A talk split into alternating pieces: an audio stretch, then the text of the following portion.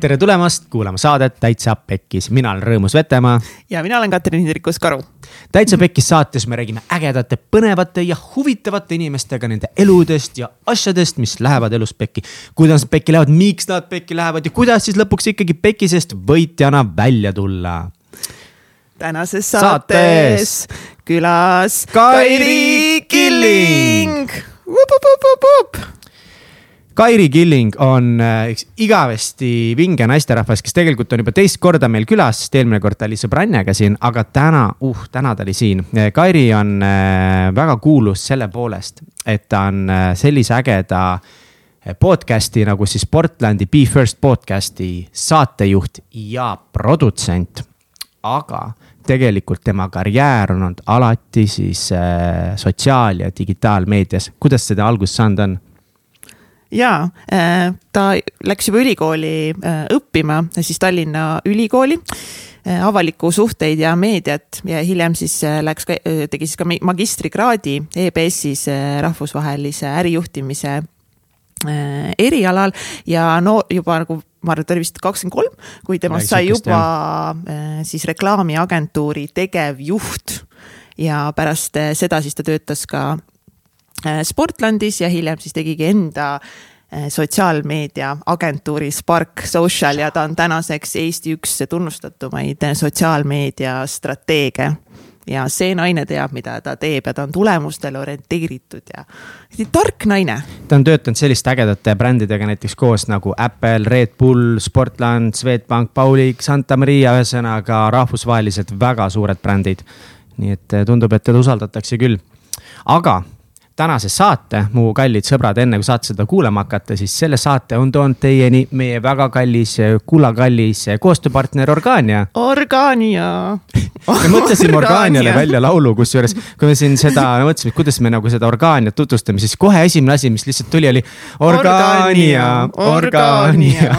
Organia on siis eh, CBD õli, et eh, saad siis eh, enda unekvaliteeti või siis näiteks äh, enda fookust parandada, et kui mõte tahab äh, igale poole lennata, siis CBD õli aitab siis äh, sinu ajul hoida fookust jah, et minu unekvaliteeti on kindlasti Organia täiega palju paremaks äh, teinud ja siin saate lõpus siis Kairi toob paar näidet ka enda, enda sõbrannade puhul, et kuidas neid siis äh, see Organia õli on aidanud. ja Organia.eu tegelikult sa saad ise ka lugeda seal palju, seal on palju mitmeid erinevaid äh, kogemuslugusid, näiteks Lillimar Pildi ja Lauri Pedaja poolt, nii et. ja Liis Velsker on meil siin rääkinud, Karmel Pea ja, et siin on päris huvitavad inimesed on jaganud oma kogemusi. ja nii et äh, kui see tundub sinu jaoks põnev ja sa sooviksid selle kohta rohkem teada, siis orgaania.eu ja ostukorvi lisades kasuta sooduskoodi pekkis viisteist, mis annab viisteist protsenti sulle soodsamalt selle imepärase orgaania CBD õli, nii et aitäh, aitäh, aitäh Orgaaniale, et sa oled eh, toetanud meie saadet. ja, ja Rauno Kuti, kes on siis üks Orgaania asutajatest, käis meil ka meie meeste saates, eh, mis oli väga-väga huvitav saade. ja ka noh, ma ei tea, kui rahul olla Rauno muidugi sellega on, et me selle laulu välja mõtlesime, vaata see laul lihtsalt tahtis hingest tulla, ma ei saa midagi teha, et meil ei ole laulu häält ja viisipidamist. nii et nagu sorry, aga ja. see on uus Orgaania teemsong. ja, ja mis see. meie poolt kingitus sulle, Rauno ja äh, siin meie siis Kairi saate lõpus tuli ka üks huvitav äh, fakt siis välja Rauno ja Kairi kohta, millega me olime lihtsalt mind blown. ja, ja nii et äh, väga noh, jah, it's all connected, ütleme, ütleme niimoodi, nii et ja Organia. ja nüüd saad ka siis eh, minnes lehele taitsapekis.ee kaldkriips seminar, soetada endale siis meie transformatsioonifestivali neli punkt null teadliku armastuse paradiisi, et saad osta endale selle kogemuse, sa saad teha seda kas siis, võtadki ühe päeva, teed eh, järjest kaksteist tundi läbi, paned hullu energizer'id ja kõik eh, muud jutud seal teed meiega kaasa, praktilised harjutused või äh, siis äh, lihtsalt vaatad täna, mida räägib sulle Illimar, homme vaatad, mida räägib Laura Valk, mida räägib äh, Raivo või Kristel Johanson, et saad ise valida, kuidas sa seda festivali soovid läbida. et nüüd siis saad endale seda soetada, taitsapekis.ee kaldkriips seminar ja enne seda, kui sa nüüd saad saadet kuulama minna, siis ikkagi väga tähtis üleskutse sulle, mu kallis sõber. kui see saade tegi sind rõõmsaks või andis sulle häid ideid, siis jaga vähemalt seda ühe sõbraga kes võiks samamoodi tahta, et tema päev oleks tore ja rõõmus, sellepärast et ma räägin talle kõrva vahvaid asju. ning kui sa tunned, et ka sina tahaksid meil õle alla panna nagu Organia, siis selle jaoks parim võimalus sulle on eh, minna patreon.com kaldkriips täitsa pekis.com, mis, mis ma ütlesin, patreon.com kaldkriips täitsa pekis. Ning liitu meie toetaja perega, toetajate perega. täiega tänan kõiki inimesi, kes meid juba toetavad. Ja kiire küsimus teile, et kas te tahaksite, et me teeksime mingisuguse nimelise shout-out'i ka teile, ma hakkasin just hiljuti mõtlema selle peale, et tahaks kuidagi teid nagu tänada, äkki see on midagi, mis teile ka meeldiks, ma tean, et see on küll väike asi, but still. nii et äh, täiega liituge meie toetaja perega, makske meile palka ja armastan teid ning head kuulamist mul on lihtsalt traumadega aeg-ajalt sihuke tunne, et see on nagu horoskoobi lugemine, vaata, et sa loed sealt ise välja mingeid asju, sest meil kõigil on öeldud, on ju, et sul peaks olema, et. et noh, lapse, et kõik, mis sul viga on, on kuskilt lapsepõlvetraumast, siis hakkad nagu tekitama assotsiatsioone, kus tegelikult neid ei ole nagu. et äh, natukene sihuke vibes on mul nagu traumadega. see on äh, väga ilus lause, millega peale võiks öelda tšau, Kairi tere tulemast saatesse. Hello uh,, okei okay,, rekkis juba jah mm? -hmm. selge, kaua teil see rekkis ei, just ainult see lause praegu, mis sa ütlesid, meil on nagu ähm, kuidagi, meile juba meeldib kui üllatusega alustada Aha. inimestele. no hästi. see on sihuke kahe teraga mõõk, me, me, meile meeldib piiri peal mängida sest on vaata need inimesed, kellele meeldivad üllatused ja need, kellele ei meeldi, on ju. mulle meeldib nagu be prepared, mitte nii. -hmm. oota, aga mis värk siis kõik nende traumadega on siis? Ähm,. aga me enne arutasime siin seda, on ju, et, et äh, kas ja kui päris on traumad, et äh, ma ise viimasel ajal olen lihtsalt tarbinud suhteliselt palju Adleri psühholoogia kohta erinevaid äh, teoseid. üks nendest on kohe kindlasti The, the Courage to be disliked, mis võib-olla on sihuke äärepealne teos, et ta ei ole väga hästi kirjutatud minu arvates. aga, aga mulle meeldib, kuidas seal arutleb siis noorem tüüp ja vanem filosoof erinevate teemade üle ja põhialus on see, et noorem tüüp ütleb, et maailm on raske, elu on raske ja kõik on halb ja siis filosoof üritab vastu öelda, et ei, maailm on suurepärane, kõik on lihtne, asi on sinus et sa ise valid endale kõik asjad, mida sa näed enda ümber, et see on kõik valikute küsimus ja siis ta räägibki sellest, et on.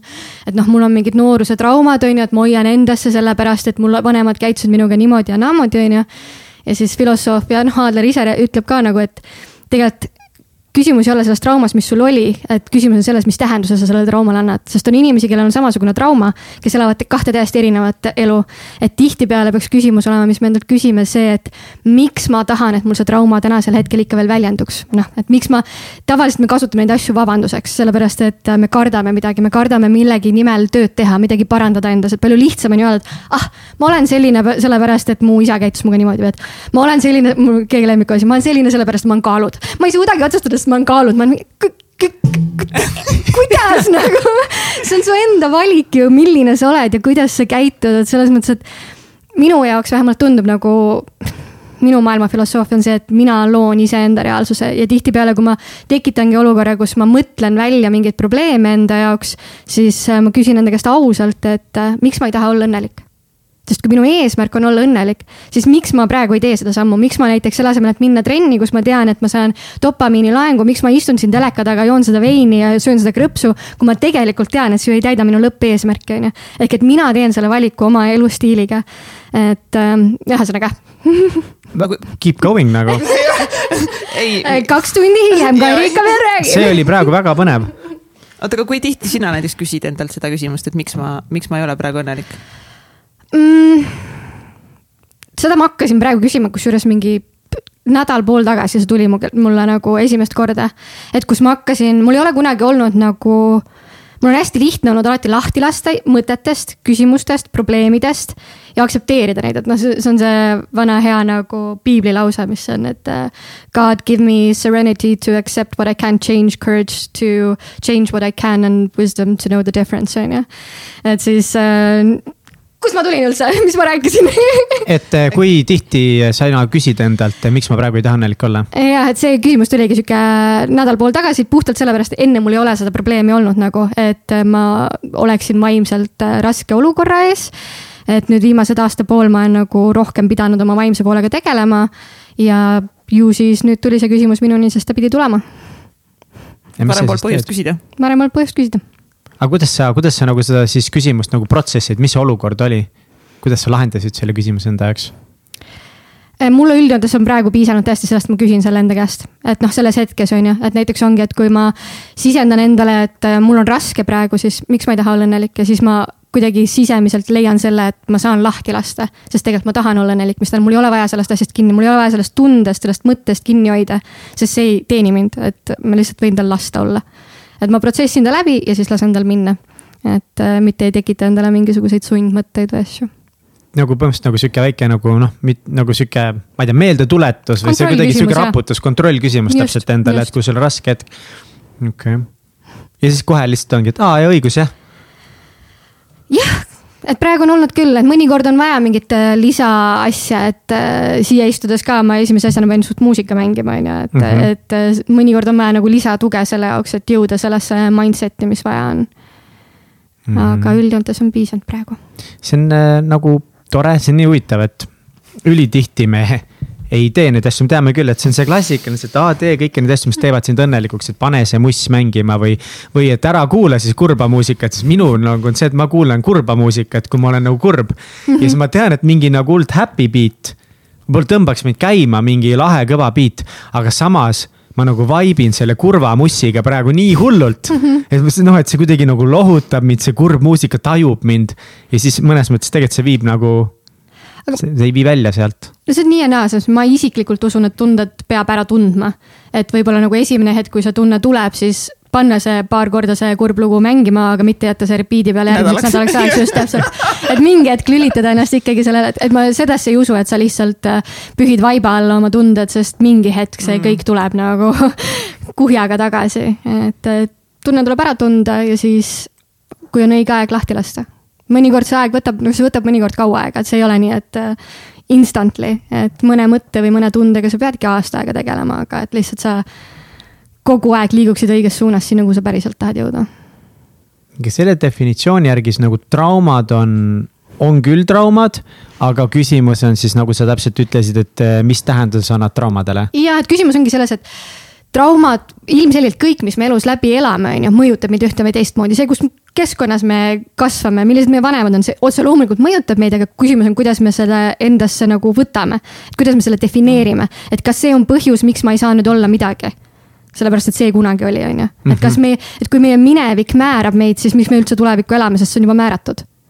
või on see ikkagi nagu meie otsus? et, et pigem sind, sind lausa, issand jumal, röga kurgus, super sind nagu isegi trigerdab, võib-olla läheb veits nagu närvi see mõte, et, et kui mingi mineviku sündmus saaks kuidagi defineerida, määrata sinu tulevikku ähm,? selles mõttes, et ma arvan, et igaühe, iga inimene nagu peab elama eri, nii nagu talle õige on, on ju, et ma ei saa kunagi öelda, et kellegi jaoks võib-olla on see normaalne, et ta peabki läbi protsessima seda traumat, et ma ei saa ju öelda, mis on õige või vale. minu jaoks isiklikult see ei tööta, et ta ei trigerda mind, sest ta ei ole minu jaoks oluline või ta nagu ei eksisteeri minu nii-öelda mindspace'is kui asi, mis päriselt oleks. mis sinu elus on äh, muutunud nüüd, et äh, siis äh, esimest korda sa tunned, et tegelikult ongi raske? et sa oled hakanud küsima endalt seda küsimust mm.? see on hea küsimus. ma ju tegelikult olen oma elu jooksul varem ka lahku läinud. et mul on olnud nagu kaks suhet aga viimasega oligi vist see, et ma arvasin, et see on igavesti. ja siis see oli väga valus. ja see oli nagu esimest korda, kus ma tundsin, et võib-olla need tööriistad, mis mulle geneetiliselt kaasa on antud, ei ole piisavad. et ma pean natukene rohkem endasse vaatama, pean nagu natuke rohkem sellega tegelema, äh, natukene arutama psühholoogiga, et äh, aru saada, mis, mis toimub. ja jah, et ühesõnaga see trigger point oligi tõenäoliselt see lahkuminek oli nagu see, mis oli raske. armastus vana hea armastus. ja see on ka üks asi, millest ma üldse aru ei saa.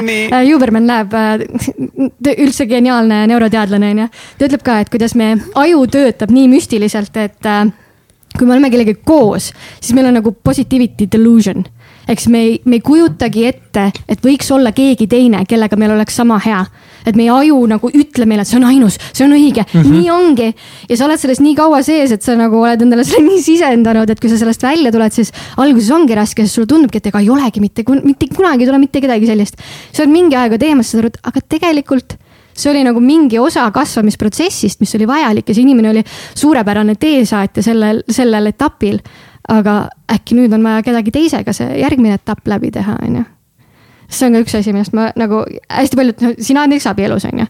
mina sain äh, šoki oma, ühesõnaga kuulasin ühte podcast'i, kus öeldi, et äh, enamus inimestel läheb kauem aega äh, doktorantuuri tegemisega, kui enamus inimesed on abielus. Siis ma olin nagu, mis asja.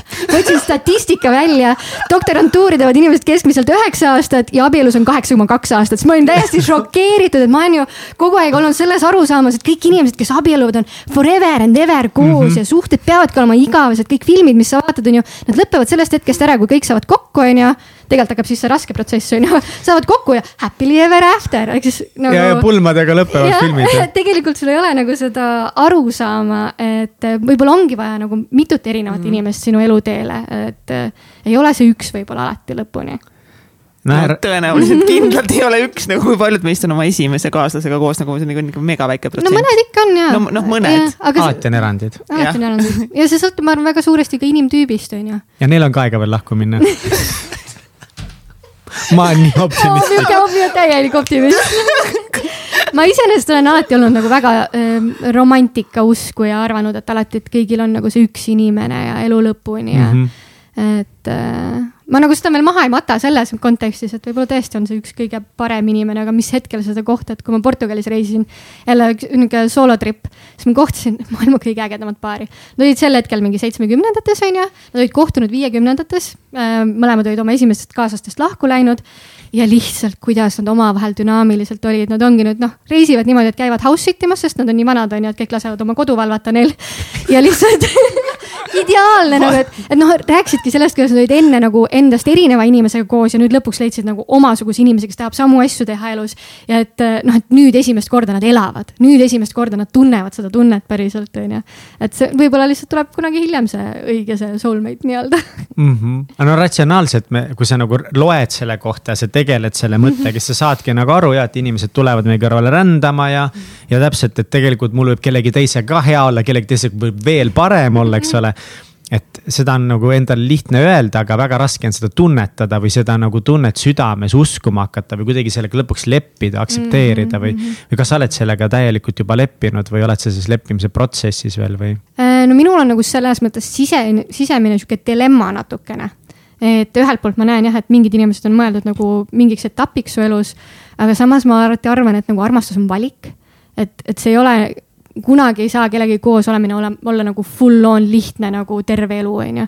et mõlemad osapooled peavad ikkagi nagu panustama sellesse protsessi ja mõlemad peavad tahtma seda panustada, et see oleks reaalselt nagu õnnelik ja hea suhe. et siis mul ongi nagu sihuke error, et nagu, et et kas, kas ja millisel hetkel peaks üldse inimest lahku las-, lahti laskma, mhm. on ju, et me enne rääkisime ka sellest, et on nagu teooria on, on ju, hitcher ja ditcher, et on need, kes nagu kohe põgenevad, kui on raskused. siis on need, kes nagu jäävad ikka veel sellesse suhtesse, kuigi ammu oleks võib-olla pidanud lahkuma, on ju. et siis mina nagu oma elus olen pigem olnud sihuke hitcher, et ma nagu jään ja investeerin ennast ja olen seal, on ju et ma, ma ei ole leidnud seda lahendust endale, et kui keegi teab, võite mulle teada anda, et kuidas siis nagu päriselt on. et kas peaks töötama elu lõpuni, proovima, vaeva nägema või peaks mingi hetk nagu ikkagi aktsepteerima kusjuures hästi paljud äh, küsisid seda küsimust ka meie festivalil mm. -hmm. see tuli kommentaari ja minu mitme esineja käest sa küsisid sedasama küsimust ka et ja ega seal ei olegi, seal ei olnudki minu meelest mingit ühtset konkreetset vastust, et pigem oligi see, et eks sa pead ise nagu ära tunnetama, tunnetama, mm -hmm. et kas see nagu yeah. is it worth it or not nagu,. no see on see vana no. hea sisetunde kuulamine vana hea, kõige nagu sitem vastus üldse nagu, vastus on sinu sees. ja sa oled mingi, mida ma küsisin sinu käest just ju. tegelikult see on nagu õige on ju, et me kõik ju teame, et, et, et meil kõigil on see sees, et jah, et see sisetunde kuulamisega on ka, mina olen alati olnud väga sisetunde kuulaja, hästi palju elus otsuseid teinud puhtalt selle pealt, ma tunnen tunnen, et see on õige ma lähen sinna. et nüüd oligi hästi naljakas, et äh, siis, kui see raskem periood oli, siis ma tegelikult äh, sisetunde hääle lülitasin välja aastaks ajaks. noh, selles mõttes, et ma nagu ei, ma ei tundnud, et ma oleksin piisavalt heas kohas vaimselt, et äh, anda ohjad oma sisetundele et mul oli vaja, et nagu ratsionaalne aju nii-öelda kontrolliks. kas sul nagu, nagu lüliti on kuskil siin? see on nagu see, et sa summutad välja, sa summutad välja, onju, et sa kuulad kogu aeg raamatu, loed mm. raamatuid, kuulad podcast'e, kuulad muusikat, sa summutad välja selle nii-öelda enda hääle, mis sul nagu sees on. ma ei tea, kui tervislik või hea see on, aga minu jaoks see nagu väga toimis, sest ma tundsingi, et ma sain samm-sammult anda nagu oma sisetundele taas ohjad et, et, et ta ei suutnud mu elus nagu mingit käkki kokku keerata et ratsionaalne osa minust suutis nagu funktsioneerida ilusasti läbi nagu kõige raskemate hetkede ka. et ma arvan, et kui ma ei, nagu ei oleks rääkinud sellest, et ma psühholoogi juures käin nagu sõpradele-tuttavatele, ega tegelikult keegi oleks nagu võib-olla tunnetanud, et nagu on raskem periood. et puhtalt sellepärast ma andsingi nagu oma ratsionaalsele minale, oma tugevamale minale sellel hetkel nagu ohjad et mulle see nagu toimis väga hästi, et nüüd, nüüd ongi see aasta on nagu see, kus wow. ma kuulan jälle seda sisehäält ja olen nagu oi, okei okay,, nii, me lähme Kanadasse, davai, lähme Kanadasse, okei okay,, mis me teeme, ah, lähme teidile, davai, lähme teidile. et noh, et seda tase ja targu lasen tal tagasi tulla wow sihuke üle nagu üleminekuks, ma arvan, on tore või noh, aga eks see on kas nagu mingis osas võib-olla nagu sihuke kaitse või nagu see, et nagu noh, muidu sa lähedki võib-olla liiga nagu emotsioonidesse sisse ja noh, siis see nagu funktsioneerigi nagu. just, et kui on nagu liiga palju korraga Täpselt, kõike seda, millega sa tegelema pead, sellesse ma olen küll väga suur uskuja, et. et mõned ampsud on liiga suured, et neid tuleb nagu väikselt võtta, on ju, sest muidu sa oled nii overwhelmed, et Jep. nothing's gonna happen nagu ja inimesed jäävad ju väga sügavatesse aukudesse, mis tegelikult äh, nagu pärsib nende toimimist, nende otsuse tegemist. me siit noh, ju väga paljud, mis ettevõtted kõik ütlevad, et ei tohi nagu olulisi otsuseid vastu võtta, kui sa oled mingi haige, kurb ja mingi purjusest umbes midagi sihukest, et mõnes mõttes. ja vist oled liiga õnnelik või liiga nagu mingi haige. ekstaasi ja, ja, ja, ja, et siis sa võid nagu ka nagu sa oled lihtsalt kõik ja, ja, ja, ja, ja, ja siis ei mõtle on ju vaata. et selles mõttes sa oled nagu väga hästi funktsioneeriv inimene väga ratsionaalne, aga samas ka nagu tunnetuslik ja see tundub nagu, et sul on see tasakaal ikkagi mm -hmm. päris hästi nagu käes, et nagu olla niivõrd tark või tugev, et saada aru, et ma pean natukeseks ajaks nagu selle sisehääle nagu veidi vaiksemaks see, et ma mhm. saaksin toimida ja siis seda vaikselt avada, et see on nagu vinge, et mõni võib-olla lihtsalt ei ava seda pärast enam, mul endal oli sisehäält väga raske avada, kui ma olin mm -hmm. seda aastaid alla surunud aga noh, allasurumine ja nagu korraks kõrvale panemine on eri asi, aga suhtes, kuidas, kui sa oled nagu nõus avama, et kuidas. kas see otsus nagu, kuidas te jõudsite selle otsuseni või, või selle protsessini, et minna nagu lahku. kui see sinu jaoks on olnud selline väga keeruline küsimus, et mis hetkel siis saad aru, et mm -hmm. kas minna edasi või mitte? no selles mõttes see oli elukaaslase otsus, et äh, tema poolt tuli, et armastus on otsas. et äh, peaks lahku minema. et minu jaoks oli noh, sellel hetkel väga raske seda hoomata. et äh, täna ma näen seda, täna ma tunnetan seda, et aga, aga sel hetkel oli väga raske. aga ainuõige otsus, et selles mõttes mm. -hmm. I have heard those words before nagu. on, on ju. Nagu, et äh, väga raske nagu selles hetkes näha. et tagantjärele on nii palju lihtsam ja sellepärast ongi noh, lihtsalt vaja nagu natukene uskuda, et asjad lähevad nagu nad minema peavad, on ju. ei no täiega. et ma siinkohal ei, noh, alati ka, kui ma ütlen selle lause, et, et noh, et tuleb see, mis tulema peab, on ju, siis kõik on, mis sa arvad, et saatus on nagu määratud, et mis me siis üldse elame ja mis me siis üldse otsustame, siis ma nagu võta see transurfingu raamat ja siis saad aru, et, meil on nagu erinevad nii-öelda eluliinid on ju, iga otsus viib meid mingi mm. liinini, aga mingil määral on ikkagi see, kuhu sa jõudma pead, sa jõuad sinna, et see usk nagu on minus küll väga-väga tugevalt, et äh, jah. aga kuidas sa alguses toime said sellega, kuidas sa tulid, kas sa lasid olla endal ka täiesti nagu haavatud hetkeks? ma olin kaks päeva olin täiesti augus nagu reaalselt nutsin ja, ja ei tahtnud süüa ja ei tahtnud kellegagi rääkida ja see oli jah, sihuke nagu. siis ma võtsin märkmiku lahti, noh, alati on nagu teistel on raskem on ju avada. võtsin märkmiku lahti, hakkasin kirjutama üles nagu kõike positiivset, mis see suhe mulle andis ja, ja, ja kaardistasin selle ära, sest minu jaoks oli see alguses oluline et, etapp, kuigi mõned ütlevad, ei võta kohe need asjad, mis sulle üldse ei meeldinud, vaata see on palju lihtsam nagu lahti lasta sellest, oligi mõttetu vaata. ma, ma tundsin, et ma tahan nagu talletada kõik selle, miks mm., miks see hea oli et miks on okei okay,, et ma seda valu tundsin, sest ma sain nii palju selle nagu selle tulemusena on ju, et selle suhte tulemusel ma sain nii palju. ma just arutasin ühe tüübiga, kelle Dubais üks äh, härra kutsus äh, date'ile ja siis tema just rääkis, et noh, et tema ei julge enam kunagi nagu armastada, sellepärast et on nii valusalt haiget saanud. ja minu jaoks on nii utoopiline, sest ongi võib-olla, mina näen alati seda head, mis ma sain sellest suhtest ja see valu see on tehtav nagu, see on üleelatav, me kõik elame selle üle, et ma ei, nagu elu sees ei loobuks sellest valust, kui see tähendaks, et ma jääksin kogu sellest kogemusest, suhtest, kõikidest õppetundidest ilma, et äh, jah. ja mis sa veel tegid?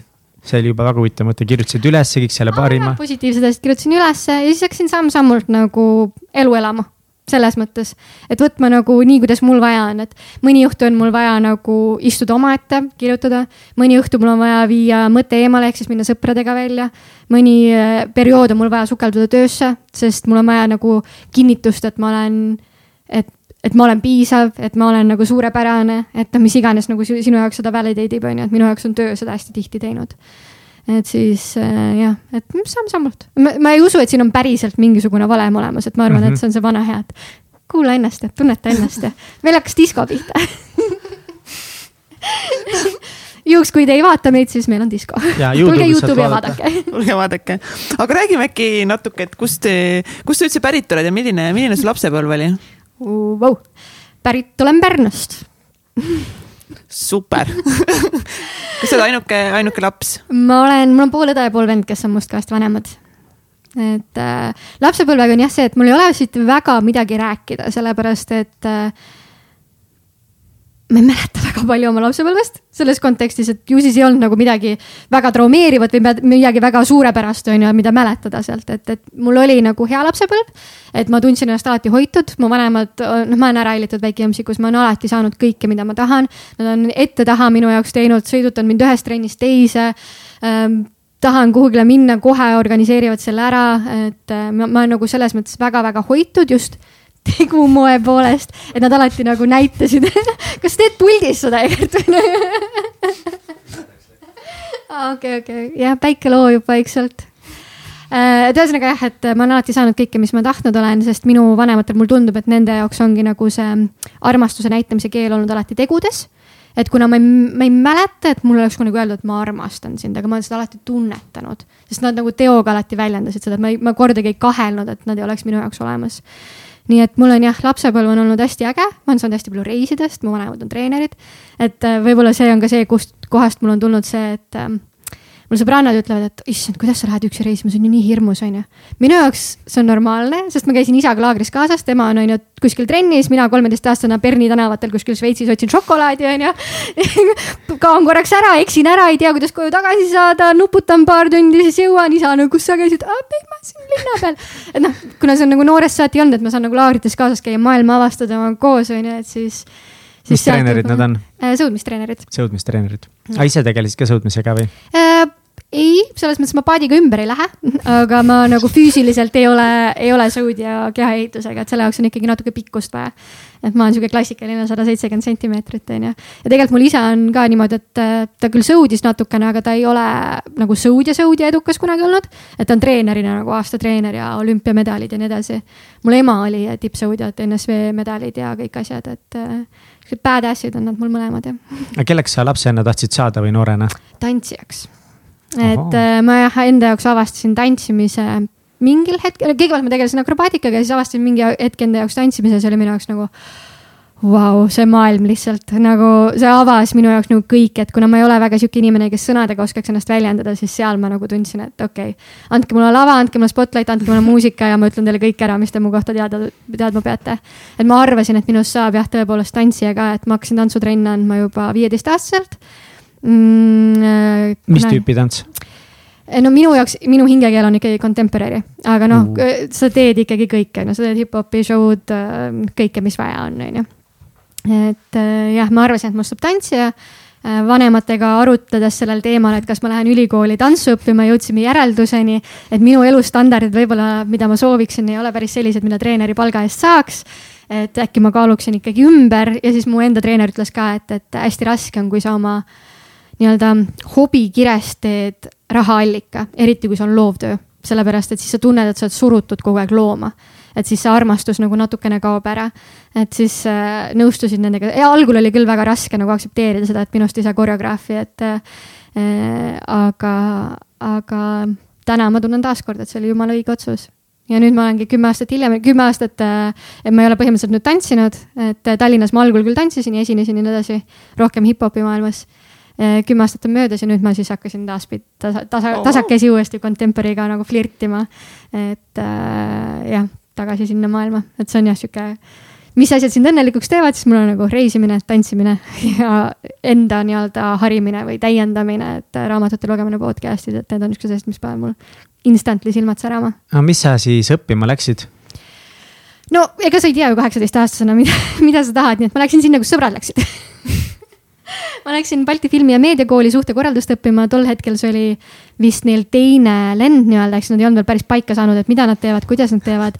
ja see oligi ainuõige otsus taaskord, et noh, mõnikord ongi lihtsalt, sa lähed sinna, kus sa minema pead. et äh, mus on meeletu filmikunsti armastus täpselt samamoodi, et ma võtsin kõrvalainetena suhtekorraldusele väga palju igasuguseid cinematography'd ja asju. et äh, üldse nagu analüüse, skriptide analüüse, see oli oh, kui ilus ja hea et äh, täpselt see, mida mul vaja oli õppida, et ma suhtekorralduse poole pealt sain kommunikatsiooni, mis täna minu töös on, on ju väga-väga oluline äh,. samuti sain äh, nii-öelda kaamera ees olemise kogemuse, on ju, sest PR-inimesed tavaliselt peavad olema need, kes ju annavad aru kaamerate ees uudistes. et mul siiamaani on meeles, mul on hästi kehv mälu kui ei ole nagu väga olulised asjad, mis peab mäletama. aga ma olin nii pinges ja nii närvis, kui esimest korda oli vaja kaamera ees olla ja meil oli vaja pähe õppida mingi tekst ja ma olen siiamaani nagu to be or not to be, that is the question, whether die is nobler in the mind to suffer all the slings and arrows of outraging fortune or by opposing in them to die, to sleep. eks mul on Hamleti monoloog siiamaani sellest sellepärast meeles, et see oli nagu minu jaoks nii traumeeriv oh. kogemus, et ma nagu pidin talletama seda nii tugevalt et aga jah, õppisin ühesõnaga suhtekorraldust. sa pead esinema, pidid sellega kuskil ja, siis? ma pidin kaamera ees olema ja ma nii stressasin, et mm. noh, et äh, täna siin podcast'i alguses ka ju mul käed värisevad selles mõttes, et ma, ma olen harjunud teisel pool olema äh,. ma olen harjunud, ma võin nagu etelda kaamera ees mingit teksti, mis on vaja mingi brändi jaoks vabalt, aga iseendast rääkida päriselt ja ausalt see ei ole minu jaoks nagu lihtne tegevus, et ma täna üritan ka natukene nagu seda müüri allapoole tuua ja natukene ausam olla. aga jah, see ei tule nagu iseenesest, et üldjoontes me peaksime nagu mingi kümme aastat tundma mm. -hmm. siis ma võib-olla räägiks päriselt, mis ma. siin on, on küll Kairil neid väljakutseid nagu endast rääkimine teistes ja. podcast ides peale enda podcast'i. ja küsida võin alati, aga jah, iseendast. aga mis sellest tantsimisest muidu sai, korrad nagu ülikooli kõrval, siis sa sukeldusid sinna, sinna suhtekorraldusse, filmi ja mm -hmm. jätsidki tantsimist täitsa kõrvale? ei, siis ma tantsisin Tallinnas ikka, tantsisin veel Dance Actis mingi aeg äh,. siis andsin trenne Pärnus endiselt edasi, sest mu olid nii nunnud õpilased, mõned neist on nüüd koreograafid, nii äge on vaadata, kuidas nad oma õpilastega nüüd nagu jändavad äh,. aga jah, mingist hetkest oligi see, et ma tundsin, et tuli piir ette, et ma tegin ülikooli, ma käisin tööl ja käisin tantsimas ja tantsuga on ikkagi see, et kui sa oled hingelt nagu tantsija, sa ei arene enam noh, sest sul ei ole aega, et investeerida seda aega, mida sul on vaja, et areneda, siis see on hästi depressing, nii et ma otsustasin, et pigem nagu lõpetame siinkohal ära, et kui ma ei saa fully seda asja teha, siis jätame sellest ilusa mälestuse ja, ja mingi hetk jätsin siis jah pooleli. see on jumala huvitav nagu, lihtsalt korra nagu vahel ütlen, et ma olen mitmelt tantsijalt täpselt sama asja nagu kuulnudki, et. et umbes, et nii kui nad ei saa nagu mingi ülihästi tantsida mm. -hmm. mingi ei, ma nüüd lõpetan ära, ma ei saa enam, mis, see tundub nagu, et noh, et pealtnäha see tundub nagu, et no jaa, aga nagu mitte tegemine tundub ju veel sitem variant, kui sa nii väga armastad seda tantsimist. ja see on nagu nii su elu, et kuidas sa nagu siis nüüd üldse sellepärast, et ei tee, et sa ei saa nagu seda teha tipptasemel. ja see on ikka nagu. Veits saan nagu aru ka mingi nurga alt. see on nagu suhteski vaata, et noh, et kas olla nagu half-ass suhtes või nagu Aha. mitte, on ju. et pigem siis panna oma panus kuhugile mujale et.... no see suhte metafoor on päris hea. see on nagu, see on kohe loogiline, see tundub kohe loogiline. ja no. mis tööd sa tegema hakkasid? Äh, ma läksin kohe suhtekorraldusagentuuri ja kuna ma olin kõige noorem selles, siis oligi, et ah, Kairi, sa oled noor, et sa tegele selle Facebooki asjaga, et mingi, mingi, mingi Facebook tuli kuskilt, on ju, et sinna on vaja mingit asja teha, et sa hakka siis tegema. et mul väga vedas, et taaskord vanemate tutvuste kaudu sain kohe nagu suhtekorraldusagentuuri tööle, poole kohaga kooli kõrvalt. nii et ja seal hakkasin kohe digiasju tegema. kuidas sul läks, kuidas see töö, töömaastik oli sisseelamine sinu jaoks oli? No arvestades ma olen kaksteist aastat täna tegelenud sotsiaalmeediaga, on ju, et siis ilmselgelt läks nagu väga hästi, et see oli see koht, kus ma särasin väga ilusasti, et, et. et see kommunikatsiooni pool, see loovuse pool, mis mul on hästi tugev, äh, strateegiline pool, mis on nüüd viimaste aastatega eriti arenenud, on ju. et siis seal tulid nagu minu trumbid, küll aga oli tõepoolest see, et suhtekorraldus kui selline ei olnud minu jaoks. et nagu professioonina nagu kirjutada asju millekski, mis nad ei ole ei, ei tulnud mul nagu loomulikult. nii et äh, ma mingi hetk hakkasin kandideerima siis erinevatesse kohtadesse, et kuhugile saada reklaamiagentuuri, on ju, et natukene teist suunda proovida mm,. algul oli raske, ei pääsenud väga löögile ja siis on ikka nagu see, et noh, et kas ma olen midagi üldse väärt, on ju. just aga... mingi ülikoolist tulnud nagu ja, ja aga no ikka oled sellepärast, et sa ja, eriti ja, nagu mina, mida noorem ma olin, seda rohkem ma olin selline äh, ma pean karjääri tegema, ma pean hästi edukas olema, ma pean hästi, täna mul on jumala suva sellest, aga, aga sel hetkel ma tundsin küll, et ma pean nagu tõestama endale, et ma olen kõigeks selleks võimeline. ja lihtsalt äh, joppas taaskord, joppas niimoodi, et mu tolleaegne elukaaslane käis mingis bändiproovis mingi tüübiga, kelle naisel on mingi agentuur. Äh, siis kutsuti mind töövestlusele siis Äh, Triinu siiamaani ta nagu kullatükk lihtsalt, et ta mind valis, ühesõnaga tal oligi lõpuks nagu töövestlus oli inimene, kes oli kogemusega äh,, tugev tegelane, on ju, ja see olin mina ja siis ta ütleski, et, et su silmad säravad niimoodi, et ma pean sind võtma. ja võttis ja noh, täielikult ju muutis tegelikult kogu minu karjääri elu, sest oligi, kõigepealt läksin projektijuhina, siis digiosakonna juhina, siis agentuuri juhiks sel ajal, kui ta beebit kasvatas kodus, on ju. et see nagu kogemuste pagas, mis ma sain sealt, oli nagu üüratu ja lihtsalt sellepärast, et üks neiu nägi, et sul silmad säravad oota, kui kiiresti sa agentuuri juhiks said? Ähm, ma üldjoontes vaatan oma karjäärile tagasi, siis ongi kõik asjad nagu kahe aasta kaupa, et kaks aastat projektijuhti, kaks aastat nagu digi, kaks aastat agentuuri juhtimist on ju, aga see oli suhteliselt noorelt ikkagi, et ma ei tea, kakskümmend kolm või kakskümmend neli olin siis jah. et kui ma nagu hakkasin seda juhtima, ma algul olin täiesti, et äh, ma ei taha seda teha, sest mul ei olnud ju teadmiste pagasit ja ma olingi, ütlesin tiimile ka, et mul ei ole seda teadmiste pagasit. et mis te arvate, et kui te arvate, ma võiks proovida, siis davai. ja arvasid, et võiks proovida ja kuidas tegime. sa lahendasid selle probleemi enda jaoks, et sul ei ole teadmiste pagasit, sul ei ole kogemust, sinul on nüüd ülesanded. agentuuri juhina sinu ülesanne enam ei ole teha Facebooki postitusi. sa pead juhtima ettevõtte eest, inimeste eest, et kuidas sa kuidas sa leidsid need teadmised, kellelt sa nõu küsisid, kuidas sa lahendasid selle mure enda jaoks? EBS Läksin siis MBA-d tegema, ehk et ma tundsin, et mul on mingid kohad, mis on nõrgad.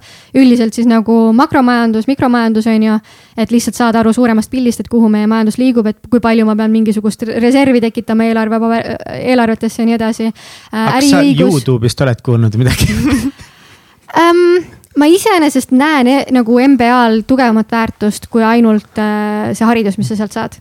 Ei no ma usun, aga lihtsalt nagu. kui sa küsid, et kelle käest ma küsisin. no jaa, aga kelle, noh käisin õhtu nii-öelda õhtuvahetuses on ju, et lõpetasin viiest, lõpetasin äh, tööpäeva, viiest läksin kooli, üheksast lõpetasin kooli, siis hakkasin koolitöid tegema, siis hommikul kaheksast läksin tööle on ju. et aga jah, tõepoolest, et kelle käest ma siis küsin on ju asju täpselt samamoodi, et sa oledki koos nende inimestega, kes teevad täpselt sedasama läbi, sest MBA jaoks sa pead olema juba sellel levelil tegutsema nii-öelda on ju. ehk et väga palju oligi inimesi, kellega ma sain grupitöid tehes kogu aeg õppida ja täiendada ennast aga jah, ma läksin jah finantsi pärast ja äriõiguse pärast eeskätt, sest need olid need kaks kohta, kus ma tundsin, et ma olen kõige nõrgem. Äh, ja mida ma seda tööd tehes aru sain, oli see, et ma ei taha olla juht see ei ole see koht, kus mul meeldib olla. et praegu ka kõik küsivad, et noh, et Kairi, sul on nii palju nagu kliente, kes kõik tahavad, on ju, et miks sa lihtsalt inimesi juurde ei palka ja juurde ei palka ja juurde ei palka, ma nagu. see ei ole see töö, mida ma teha tahan. ma ei taha olla HR, ma ei taha olla CEO, ma tahan teha sotsmeediat, strateegiaid, loovkontseptsioone. kui ma võtan mingi meeletu tiimi, siis ma ei tee enam seda, mis mulle meeldib. et äh, jah. no kuidas sa hakkama said selle töö ja õppekoormusega? Ja sa mainisid ka, et, et sul on olnud läbipõlemine noorena. ja, ja, ja see, see oli küll, et kui ma agentuuri run isin, siis ma ikkagi, ma ütleks, põlesin läbi ikkagi. et ja mitte sellepärast võib-olla, et koormus või stress oleks nii tugev olnud, vaid pigem sellepärast ma ei osanud tol hetkel veel ennast toetada stressiolukorras et äh, ja noh, võib-olla vahel ongi vaja lihtsalt see, et sa käid korra, põled läbi ära, et sa saad aru, kus see piir on, et järgmine kord seda tunnetada. et noh, täna ma nagu ei ole tundnud, et rohkem seda olukorda oleks. mida läbipõlemine hetkel... tähendas sinu jaoks? Äh, oligi lihtsalt see, et sa oled vaimselt nii kurnatud, et sa ei suuda enam. sa lihtsalt, sa tunned, et minus ei ole enam mitte midagi välja pigistada. et ma ei jõua toeks olla töötajatele, ma ei jõua kooli asju teha, ma ei jõua sõpradele olemas olla, ma ei jõua iseenda jaoks olemas olla. aga taaskord ma toon siin välja sellega, et ma ei osanud ennast hoida selle asemel, et nagu teha rohkem sporti ja, ja süüa tervislikumalt, magada rohkem. tegin kõike vastupidi, magasin ülivähe, tarbisin alkoholi, suitsetasin, nagu kõik asjad, kuidas sa saad ennast saboteerida, ma põhimõtteliselt tegin, onju. et ise olin jumala uhke, oh, ma suudan kolm-neli tundi magada ja siis on cool, all good, all good. täna vaatad tagasi, issand kui loll, Kairi, nagu uni on püha, kaheksa tundi peab olema mm., nagu kui sa tahad olla reaalselt loov edukas ja õnnelik inimene, sa pead magama, ei ole võimalik lihtsalt teistmoodi. aga noh äh,, elad ja õpid aga mis olid agentuurijuhtides sinu jaoks veel mingid, mingid väljakutsed, mis sa seal, mis, mis oli nagu täiega raske ähm,? ma arvan, et kõige suurem väljakutse ja see tegelikult on endiselt nagu äh, mingil määral relevantne, on see, et tihtipeale inimesed, kes töötavad äh, agentuurides, ei hooma seda kui palju nad peavad ettevõtte jaoks teenima selle jaoks, et nende palk äh, tasuks ära ja ettevõte oleks kasumlik, on ju.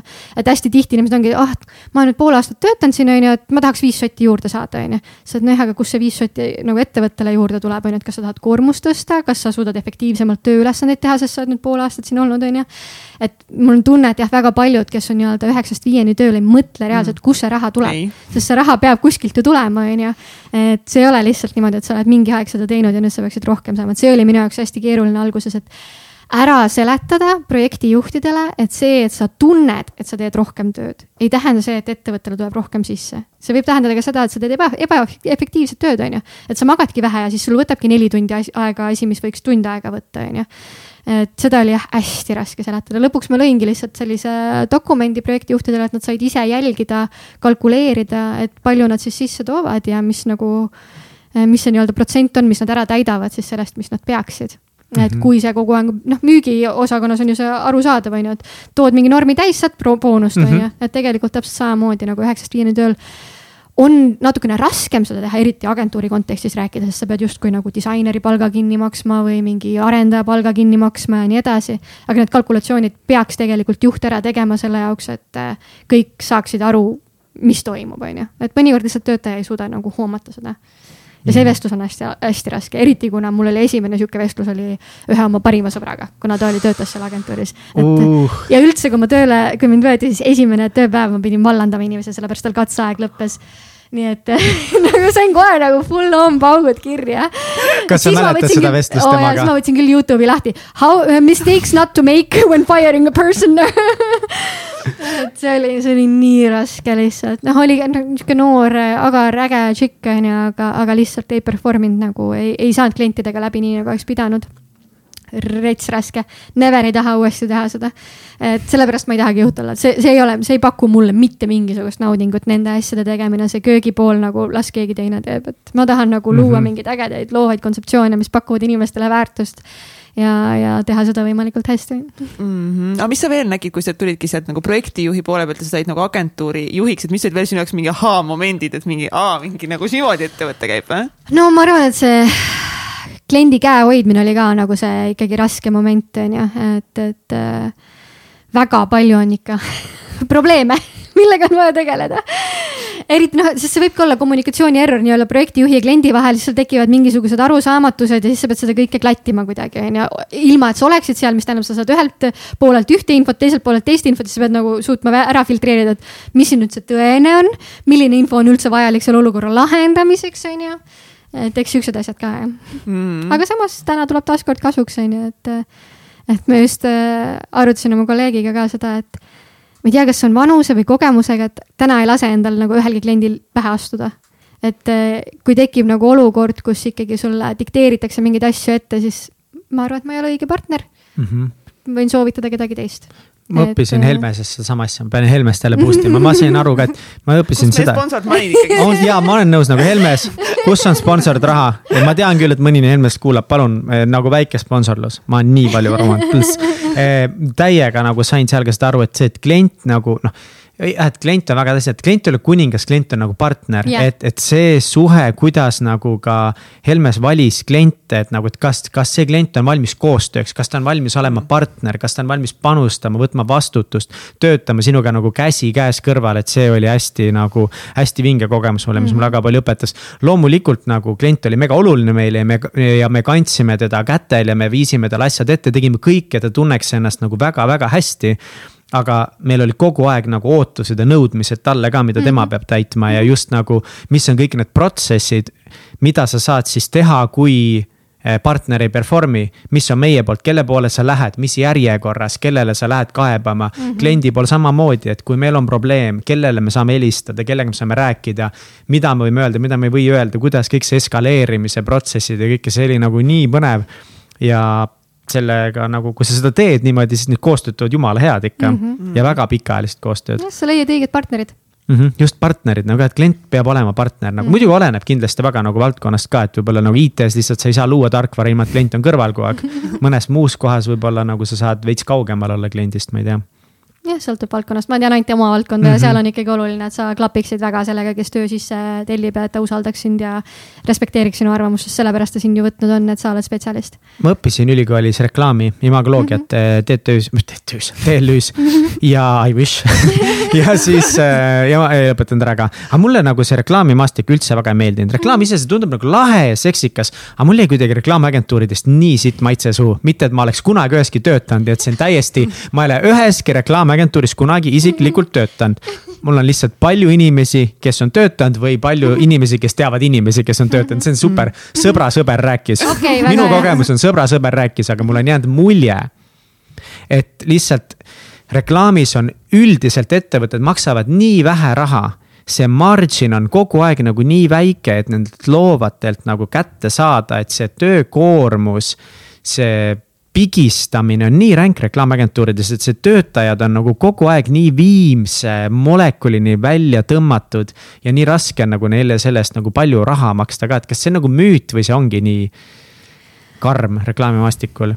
No ma saan ainult enda kogemusest rääkida, et ma nagu ei saa kogu industry nii-öelda tavadest rääkida, et äh ma mäletan nagu, kui mina sotsmeediaga alustasin, siis olid ju inimesed täiesti šokeeritud, et miks ma peaksin sulle maksma selle mingi sots, mingi Facebooki postituse eest, on ju. aga nii-öelda digitulekuga on ikkagi, kõik asjad on nii lihtsasti mõõdetavad.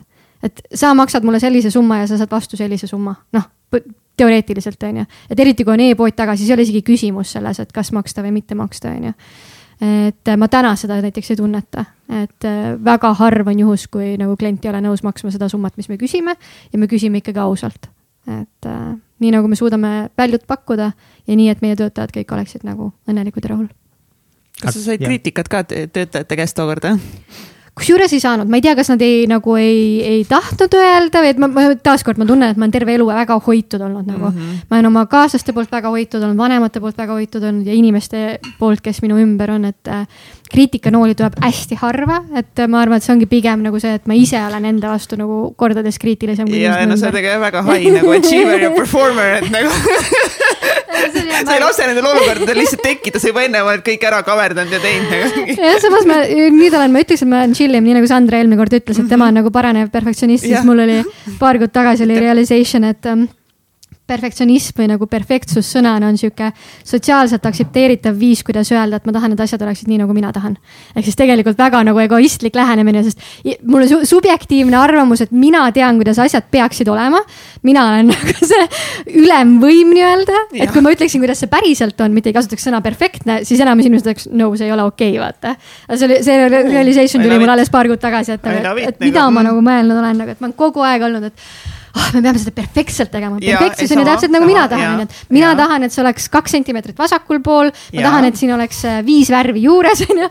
et see on kõik nagu nii subjektiivne, et võib-olla kellegi teise jaoks see ei ole perfektne, et siis äh, jah jah, aga samas no kuidas sa siis nagu ikkagist hoiad seda standardit nagu, et mingi standard on ikka vaata, on ju. et kus mm -hmm. läheb see nagu fine line selle perfektsionismi ja selle hea standardi vahel nagu. vot see on vana hea katsetus, katse-eksitusmeetod, et mina olengi nagu viimased siin mis on siis kaks aastat, ma, kaks-kolm aastat ma olen üritanud siis nagu sellest perfektsusest nii-öelda lahti lasta, on ju. Äh, säilitades oma nii-öelda industry standardid, kõik teavad, et kui Kairi käest tellid, siis on nagu this is shit on ju, see on nagu this is the shit, vabandust, nagu hea asi et kvaliteet on nagu tagatud. et siis äh, nüüd ma olen nagu testinud klientidega, et äh, lasknud nagu samm-sammult lõdvemaks nii-öelda oma kontrolli või oma soove, et usaldanudki, et näiteks kui videograaf ütleb, et talle meeldib see lõige niimoodi, mis sest, et mulle tundub, et see on natukene liiga aeglane, on ju, mhm. siis ma võtan korraks sammu tagasi, saadan kliendile, vaatan, mis tema ütleb, kui ta on suurepärane, siis no ilmselgelt ongi suurepärane ja, nagu, mida mina ja, siin nagu üldse. tihti ongi klient ongi nagu mingi, mingi täiega äge nagu. ja siis tekibki küsimus, et nagu, et kus see perfektsus on, et kas see on mingi illusioon meie peas, kas me ajame taga midagi, mida tegelikult üldse ei peaks taga ajama nagu et äh, jah. ja standard samamoodi ju, nagu standard on midagi, milles siis ju keegi peab kokku leppima, et kui sa -hmm. ütled, et jaa, aga et standardist peab kinni hoidma, siis kui sina oled selle standardi loonud, siis see on täpselt lihtsalt. see on see, mida ma tahan, et see oleks. mis see tähendab standard, see on midagi lihtsalt, mis sina ütled, nii peab olema. kui sa nüüd niimoodi ütled samamoodi, et standard no. saab ju olla ainult siis, kui me kõik ühiselt oleme nagu leppinud kokku, et täpselt nii palju peab olema mingeid numbreid mingisugusele tegevusele või värv peab selline olema. et see sõna perfektsus on sihuke jah, kahe otsaga mm -hmm nagu sihuke ih, natukene ilustatud viis, kuidas öelda, et I want it my way. aga see on äh, juhi äh, nagu üks äh, nii-öelda noh, võimalusi, see võib ka nagu täpselt kahe otsaga, et see võib sulle halvasti lõpuks kätte maksta ka, aga kui sa oled boss, siis sul on nagu sa pead lihtsalt siis lootma ja uskuma, et see sinu maitsemeel lihtsalt ongi nii hea ei no kindlasti ongi noh, mingil määral sa oled ju ennast tõestanud, et inimesed tulevad sinu juurde sellepärast, et nad teavad, et sa teed head asja, on ju. aga lihtsalt tõesti vahel nagu see ka, et me piitsutame ennast nagu nii, nii retsilt, on ju, et tegelikult ei oleks vaja no sa oled alati olnud äh, siis äh, noh, okei okay,, nüüd sa enam mitte, aga et alati oled olnud väga enesekriitiline või um,? vist jah see on ka üks asi, mida ma hakkasin mõtlema siin, ma olen hästi palju nüüd praegu on ju enesearenguga tegelenud ja ja siis üks päev hakkasin mõtlema sellele, et eneseareng, okei okay, jah, on ju, et, et me peaksime nagu paremaks saama, aga iga kord, kui ma tegelen enesearenguga, kas ma mingil määral ütlen iseendale, et ma ei ole piisav? sest tegelikult ma ju ütlen põhimõtteliselt, et ma peaksin seda õppima, ma peaksin seda tegema, ehk siis ma ei ole millegipärast piisav, ma nagu. kui millegipärast peaksin ennast täiendama kogu aeg, on ju. jah, aga kas pean? sest tegelikult ma olen ju piisav, tegelikult nagu see, kes ma olen, on kõige ilusam versioon üldse minust, nagu. Võib-olla on mingid asjad, mis on elu käigus nii-öelda takjatena minu külge tulnud, millest oleks vaja loobuda, on ju. noh, mis ei ole osa minust mm. tegelikult, nad on lihtsalt nagu elu käigus tekkinud mu külge, on ju, noh, ongi näiteks et suitsetad, on ju, et see ei ole mina. et see on lihtsalt mingi takjas, mis on tulnud mm -hmm. sellest loobuda, on ju, et see on nagu eneseareng, mis on nagu mõistlik, aga et. et kuhu maani minema peab ja kes see ütleb nagu, mis see lõppsihtkoht on, on ju. et enesearenguga praegu ka, kuna see on nii suur haip. et me kõik peaksime nagu ärkama vara, lugema palju, tegema, mediteerima. aga kui see ei ole mina, kas ma pean? Ma arvan, et jaa. et peaksin, jah? jah ma, ma siinkohal võib-olla siis äh, lähevad meie äh, teed natukene lahku jah, et, et see on täiesti okei okay,, et sinu jaoks võib-olla ongi see nii-öelda õige valem. mina tunnen, et võib-olla ei ole, et eriti kuna ma alles hiljuti olen hakanud aru saama, kui palju ma lasen nii-öelda ühiskonnal mm. või jah, ühiskonnal põhimõtteliselt minu ümber öelda, milline mu elu olema peaks mm. -hmm. Ja võib-olla ma ei taha seda elu jah, ongi, et nagu, et lihtsalt on mingid tekkinud mingid standardid, et oh, et varaärkamine, mediteerimine on mm -hmm. nüüd see, mis on nagu õigesti. ma arvan, et inimesed on õnnelikud, kui nad on arengus üldiselt, et kui me räägime nagu hästi keskmisest inimesest, siis ma arvan, et keskmist inimest tegelikult siin elus teeb õnnelikuks kasv milline see kasv on, kui kiire, mis seda kasvu toob, on hästi individuaalne. aga, aga ma arvan tõesti, ma usun, et tegelikult inimesed on kõige õnnelikumad siis, kui nad pidevalt kasvavad, kui nad pigem tegelikult töötavad millegi suunas, millegi nimel. inimloom kuidagi on nagu minu arvates loodud selliseks, et, et et ta tegelikult hästi ei saa hakkama, kui ta on nagu täiesti nagu paigal mm. -hmm. kui ta ei leia asju, mille nimel töötada, aga see võib ka olla nagu, et mingi hobi või noh, mis iganes mm, -hmm. nüüd selle me alati rääkida, mis nurk see on, aga. aga sa tahad millegi peal töötada ja väga paljudele inimestele, ma usun, tegelikult toimibki väga hästi see. kui nad tunnevad, et nemad inimesena kogu aeg veidi kasvavad, veidi mm -hmm. arenevad ja mõni tahab nagu hullult kiiresti, hullult palju areneda, mõni on sunnitud kiiresti mm -hmm. palju arenema, kui sa oled ettevõtte juht mm. -hmm.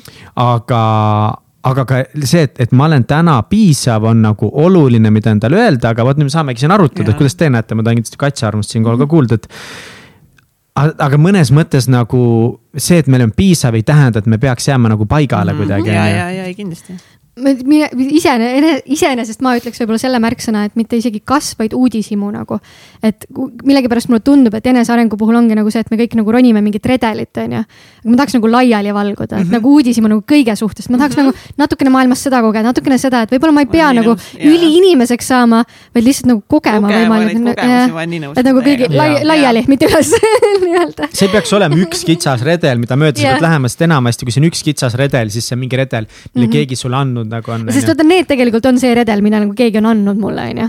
sest nad kõik lõppkokkuvõttes, ma olen hästi palju lugenud mm -hmm. sellel aastal -hmm. nagu enesearengu raamatuid. ja nad kõik jõuavad kuidagi nagu ühe punktini välja või kuidagi nagu kõik suunavad ühte suunda.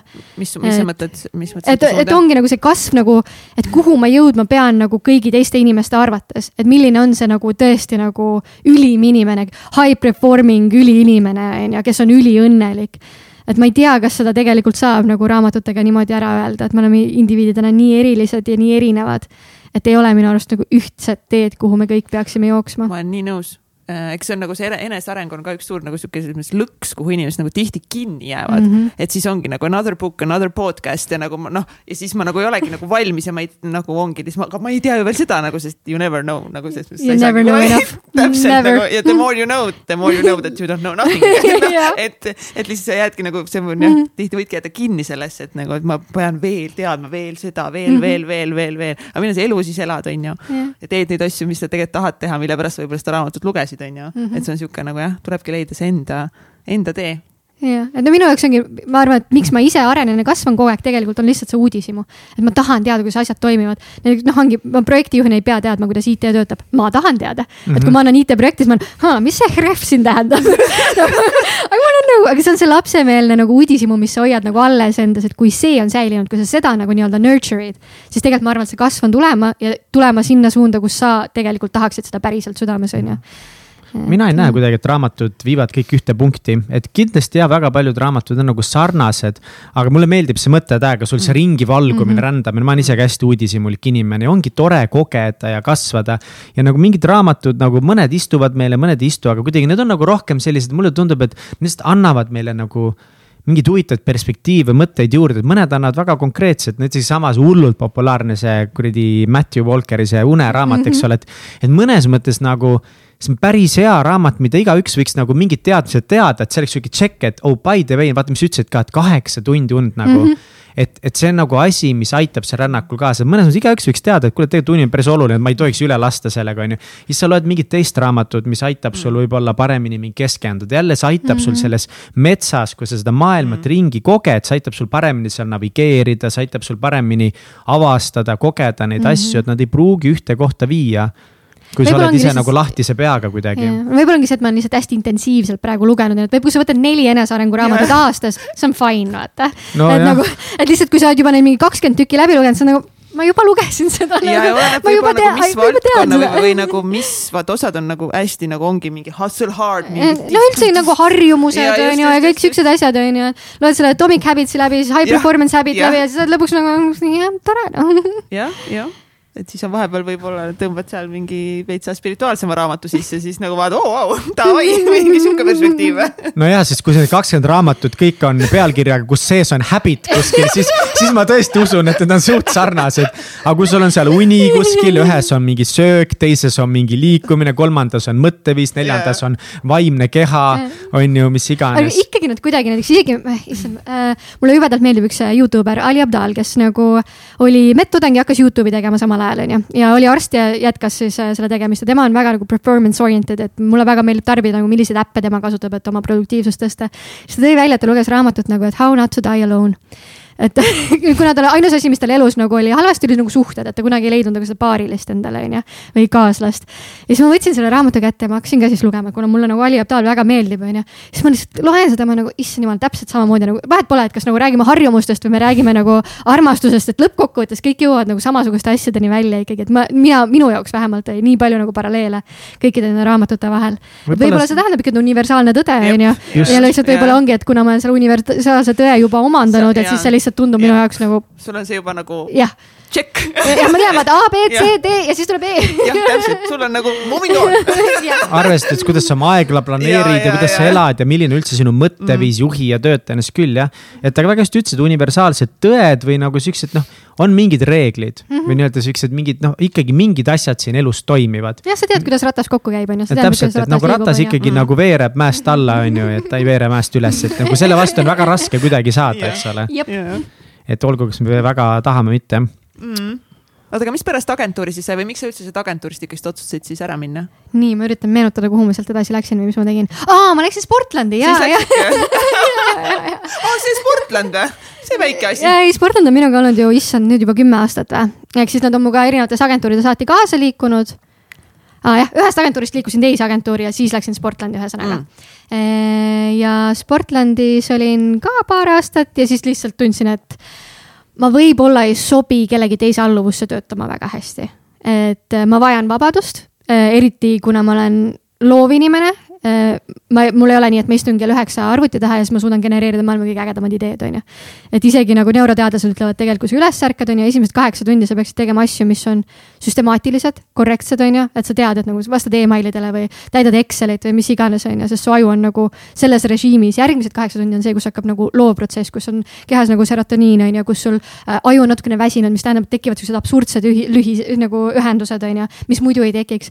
ja see ongi nii raske, et kui ma pean üheksast viieni olema kontoris, kontoris ja tegelikult minu seal loov faas hakkab alles õhtul kell kaheksa, on ju, siis ma tegelikult töötan kakskümmend neli seitse kellegi teise heaks, on ju. väga hea ettevõte, kus töötada kellegi heaks, sellepärast missioon on nagu mega, on ju, tiim on nagu mega. aga ma lihtsalt ei suutnud ennast sundida nagu üheksast viieni tagumikutunde istuma. tol hetkel see ei olnud ka nagu aktsepteeritav väga, et ma käiksin mingitel teistel aegadel, ma rääkisin ka nagu oma juhiga sellest. ja ta leidis, et võib-olla nagu keeruline teistele ära seletada, et miks sina käid siis, kui sina tahad, on ju. ja miks nemad peavad seal olema, täiesti arusaadav, aga selles kontekstis oligi, et noh, siis mul on vaja olla enda aja peremees. aga noh, tänase hetkeni siiamaani on nad mu kliendid, et äh, siiamaani nagu toimetame, nüüd ma saan aru, on ka töökultuuris muutunud, et äh, kuna on nagu teised juhid on ju, et siis nemad näevad, et tööta millal tahad. et peaasi, et töö on tehtud, et see on minu mentaliteet ka nagu, et peaasi, et asjad on tehtud, mis mul sellest, millal sa seda teed, kas sa teed seda rannas veiniklaasi kõrvale või nagu kodus kuskil arvuti taga, et mul ei ole vahet. peaasi, et on tehtud ja siis otsustasidki, et nüüd, nüüd pead ikkagist ettevõtjaks siis hakkama, jah? Äh, jah, no seal ei olnud lihtsalt väga valikut, et et kui ma nagu ei taha alluda üheksast viienda, sest ma arvan, et ei ole Eestis väga palju paremaid ettevõtteid, kus töötada kui Sportland et noh, et see on ikka variant, et ma lähen kuhugile teise ettevõttesse tööle. et äkki seal on parem. et äkki seal on parem, et see nagu ei tulnud nagu kõnele, et siis oligi jah, ainus variant oli ikkagi hakata iseenda ülemuseks. mis oli muidugi hirmus samm nagu selles mõttes, et eriti kuna ma olin juba juhi kogemust kogenud, teadsin, et ma seda ei taha kohe kindlasti et siis kuidas see nagu vabakutseline, et kas mul on piisavalt suur nimi endale tehtud, et ma üldse kliendid leian endale, sest ma olin ju in-house töötanud ja agentuuris äh,. aga tõepoolest nagu kõrvalt oli elukaaslase poolt nii palju julgustust ja nii palju tuge ja nii palju usku minusse, et oli seda hüpet nagu hästi lihtne teha et äh, lõppkokkuvõttes sai siis tehtud ja siis oligi minu üllatuseks oli, et esimesest päevast mul oli neli klienti ja nad on siiamaani ja nad on niisuguse mahuga, et noh, nüüd on veel mõned, sellepärast meil on kaks töötajat veel, on ju.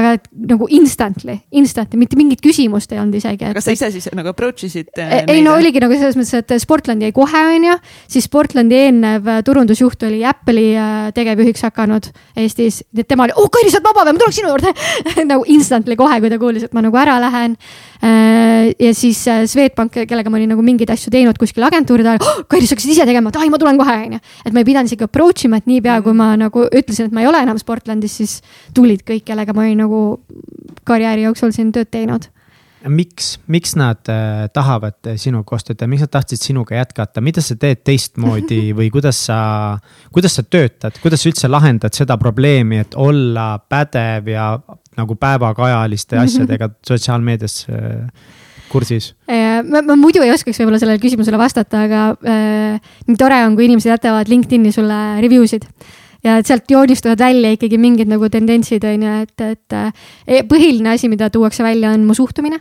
Et nagu mu isa on mind üles kasvatanud, et ei ole probleemi, millel ei ole lahendust mis tähendab, et ma kunagi ei ole nagu stressis või nagu oh,, seda ei ole võimalik teha, me ei saagi sellega. Never gonna happen, ma olen, davai, teeme ära ja mõtleme välja, kuidagi ikka saab. kui nii ei saa, siis saab nii ja nii edasi, onju. et kindlasti see mu positiivne suhtumine nagu äh,, siis tõenäoliselt ka see, et ma olen ikkagi ähm, kuna ma olen nii produktiivsusele orienteeritud või nii süstemaatiline, siis ma toimetan ikka hästi kiiresti et kui mõnel inimesel läheb võib-olla nädal aega aega, et mingi strateegiavasi valmis teha, siis ma olen võimeline selle kahe päevaga tegema, on ju. et lihtsalt sellepärast ma olen endale nii head süsteemid loonud ja ma tunnetan ennast nii hästi, et ma tean, millal ma töötan hästi, millal ma ei tööta hästi. et eh, siis kindlasti see ka, et kui kiire ma olen, et suhtumine ja kiirus ja midagi, ahah jaa, et kuidas ma kursis ennast hoian, see on see koht, kus tuleb uudishimu mängu, on ju mulle meeletult meeldib nagu tarbida informatsiooni, et eh, kui ma näen näiteks, et mingi mõjuisik teeb mingit asja, ma olen uh, kust see tuli, mis see on, Google. On ju, et ma tahan kogu aeg nagu teada ja õppida. et mulle väga-väga meeldib see. Ja mul on ka kliendid, kes ähm, nii-öelda challenge ivad mind, küsivad mu käest, aga miks nii? ja need on kõige paremad kliendid üldse, sest noh, et siis sa saadki, nad, ei usu sind nagu nii-öelda pimesi, vaid nad küsivad su käest ja siis saadki rääkida neile kõike seda. Mm.. kõike, mis sa just guugeldasid. Et selles mõttes see, ma arvan, et need on need asjad, mille pärast nagu tuldakse, et äh, aga kas sa proovid kõiki nagu neid, ähm, ma ei tea, mingeid uusi äh, meetodeid, uusi mingeid viise, uusi trende kuidagi alati nagu numbritega põhjendada ka või kui palju sa nagu oled nagu analüütiline oma selles töös või kõiges, kui palju sa nagu track'id ja mõõdad? see on vist üks mu kõige suuremaid tugevusi, et ma olen väga nagu tulemustele orienteeritud. et mul väga meeldib analüüsida, kas asjad töötavad või ei tööta.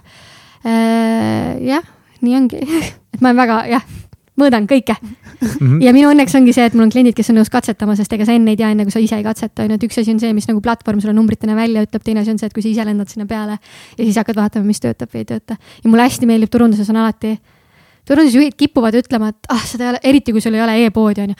seda ei ole võimalik mõõta, kas see mõjub või ei mõju, on ju. no tegelikult on, et sa pead lihtsalt natukene loov olema, et noh, me oleme isegi nagu teinud sellise eksperimendi, et me teeme mingi Facebooki postituse näiteks kunagi ammustel aegadel.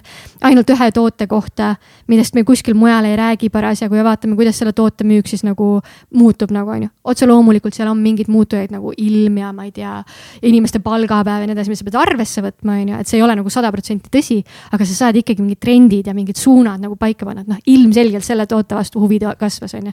see ei ole lihtne, seda ei saa igapäevaselt teha, kui sul ei ole e-poodi, aga see on tehtav ja seda võiks teha ikkagi noh, korra kvartalis või niimoodi, et noh, sotsmeedia ju kogu aeg muutub, et mis töötab, täna ei pruugi nagu kolme kuu pärast üldse töötada. siin tulebki see sinu suhtumise vahe võib-olla ka päris hästi välja, et et see, et see on raske, ei tähenda, et seda ei peaks tegema mm. -hmm. et seda peaks proovima, et me ei peaks Just. katsetama, et me ei peaks mõõtma, et kui see ei tule mugavalt kätte, see ei tähenda, et seda ei peaks mõõtma. ja, et kui Google Analytics ei ütle, siis uh, we are not doing this jah, siis lihtsam on lihtsalt öeldagi, et nagu mm. ei, kõik on mõõdetav, tegelikult on kõik mõõdetav. mis nõu sa annaksid mingitele näiteks noortele agentuuri loojatele? millises kontekstis? näiteks sama, kui nad samasse valdkonda, tööd sotsiaalmeedia tahavad sotsiaalmeedias teha ja siis mille koha pealt nüüd, kuidas kliente nagu, saada või kuidas kliente hoida või kuidas nagu, alustada? kui sa, kui sa, kui sul oleks võimalik anda ainult nagu kolm nõuannet sul on ainult võimalik kolm nõuannet anda eh, noorele alustava agentuuri juhile. no ma arvan, et eh, ega need küsimused tegelikult enamus ettevõtjatel on ju samad, esimene küsimus on miks? miks sina, miks sina seda teed? nagu, miks peaks keegi sinu juurde just tulema, mitte Kairi juurde, on ju. et mis sind eristab no Kairi ei võta uusi kliente vastu kaadlisi aga ootenimekirja saab panna ennast, mul on septembris mõned kliendid, kes on ootenimekirjas. nii et äh, jah, et see on esimene mm, -hmm. et mis sind eristab mm,. mis veel võiks olla? muud ei olegi tegelikult, kui sul on eristamine olemas ja passion olemas, siis lenda peale, hakka tegema.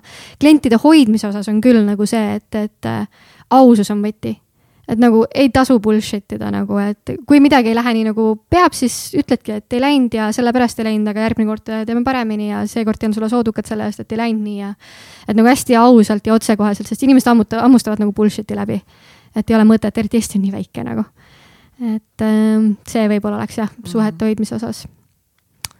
Ja mingi tööeetika ilmselt võib-olla ka, ma arvan, et see teatud see produktiivsus, et nagu mina sinu sellest küll loen nagu välja, et üks siukseid suuri trumpe sinul ju pigem on just see produktiivsus ja aja ja enda energia juhtimine mm. -hmm. üldse, kuidas sa selle jaoks nagu enda leidnud oled, et sa oskad aru saada enda energia juhtimisest nii hästi, enda aja planeerimisest nii hästi?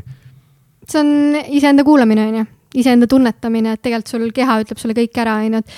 et kui ma, kui mu keha ütleb mulle, et ta ei taha loovülesandeid teha hommikul kell üheksa, ma ei sunni teda seda tegema, mis tähendab, ma planeerin selle oma päevas sinna, kus ma tean, et ma olen nagu kõige loovam, kõige produktiivsem, on ju, selles valdkonnas. Endale ausalt ütlemine ja vastamine selle koha pealt ma alguses väga fail isin ajasta nagu kui kaua mul asjadega aega läheb. selle nagu kaardistamises ma nii fail isin, sellepärast ma ei tahtnud endale tunnistada, kui kaua mingid asjad aega võtavad. ülioptimistlik oled, on ju. aga tegelikult, kui sa nagu mõõdad ära, kui kaua sul aega asjad võtavad, siis sa saad hakata parandama ennast. et leida, mis kohad need on, et ku, miks mul nagu siin mingi aeg, miks mul nii kaua aega läheb, kui ma tean, et ma võiksin seda teha sellega, on ju. mul oligi hästi palju see, et ma hakkasin tegema mingeid loovasju perioodis, kus ma ei ole loov ja siis see võtab kaks korda kauem aega nagu what, miks, on ju. Äh, jah et pise-, põhi, põhimõtteliselt enda kuulamine, et sa saad ise endast aru, et millal ja kui hästi sa perform'id ja mitte nagu sundimine. Äh, jah mm. -hmm ma olen ka nagu vahepeal täiega tublisti track inud, mis ma asju teen ja siis vahepeal nagu üldse mitte, see on nagu nii väsitav, viitsi ja, ja.... Äh, ma ise ei ole veel kasutanud, aga soovitatakse väga seda Rise, mis automaatselt mõõdab kõiki asjad ära, mida sa teed. Oh, ja, sama, mida RIZT on äpp äh, nagu, et ta saab aru, on ju, mis nagu lehitseja sul lahti on, et mida sa teed parasjagu. ma ise ei ole seda veel kasutanud, aga seda soovitatakse. kuidas see kirjub? R-I ja Z-E. aa, aa, nagu Rize. Rize, jah. kõigepealt tuleb äh, linn äh, Türgis Rise äpp ah,, maximize your productivity, rise.io mm.. et, et lihtsalt tema võlu peaks olema see, et ta on nagu hästi automatiseeritud, on ju, et, et, et sa ei pea ise nagu käsitsi kogu aeg sisse panema, et mida sa teed ja kaua sa tegid, et sina kasutad ka muidu Doglit, on ju? Äh, ma kasutasin mingi hetk, et äh, aru saada päriselt, kui kaua mul aega, asjade peale aega läheb, täna enam ei kasuta, sest täna ma olen avastanud, et ma suudan täitsa ajastada ja hinnata adekvaatselt. et päriselt nii palju, kui ma arvan, et läheb aega, läheb ka aega et siis ma praegu ei ole vajadust leidnud, aga kui hakkaks mingid käärid tekkima, kui ma näeksin, et on mingid errorid näiteks selles mõttes, et mul on mingid projektid kuhjuvad ja ma ei jõua neid asju ära tehtud, siis ma peaks otsa vaatama, et what happened here. et siis tõenäoliselt esimese asjana ma hakkaks vaatama jah, et, et äh, mõõtma, kuhu mu aeg läheb, mis toimub. aga sa alguses siis äh, olid üksinda mm? -hmm.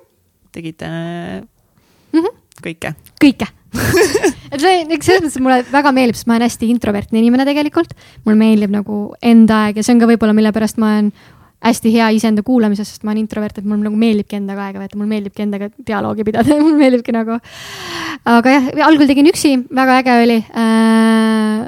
aga noh, nüüd ongi viis kuud on vist kaks inimest veel olnud, on ju. oota, kaua läks siis aeg? ma olin kaks pool aastat olin vist nii, et tegin üksi. ja kui ma ütlen üksi, siis ma mõtlen ikkagi selles mõttes, et meil elukaaslasega oli üks sama stuudio on ju, me tegime väga palju projekte nagu koos, et tema oli nagu videograaf.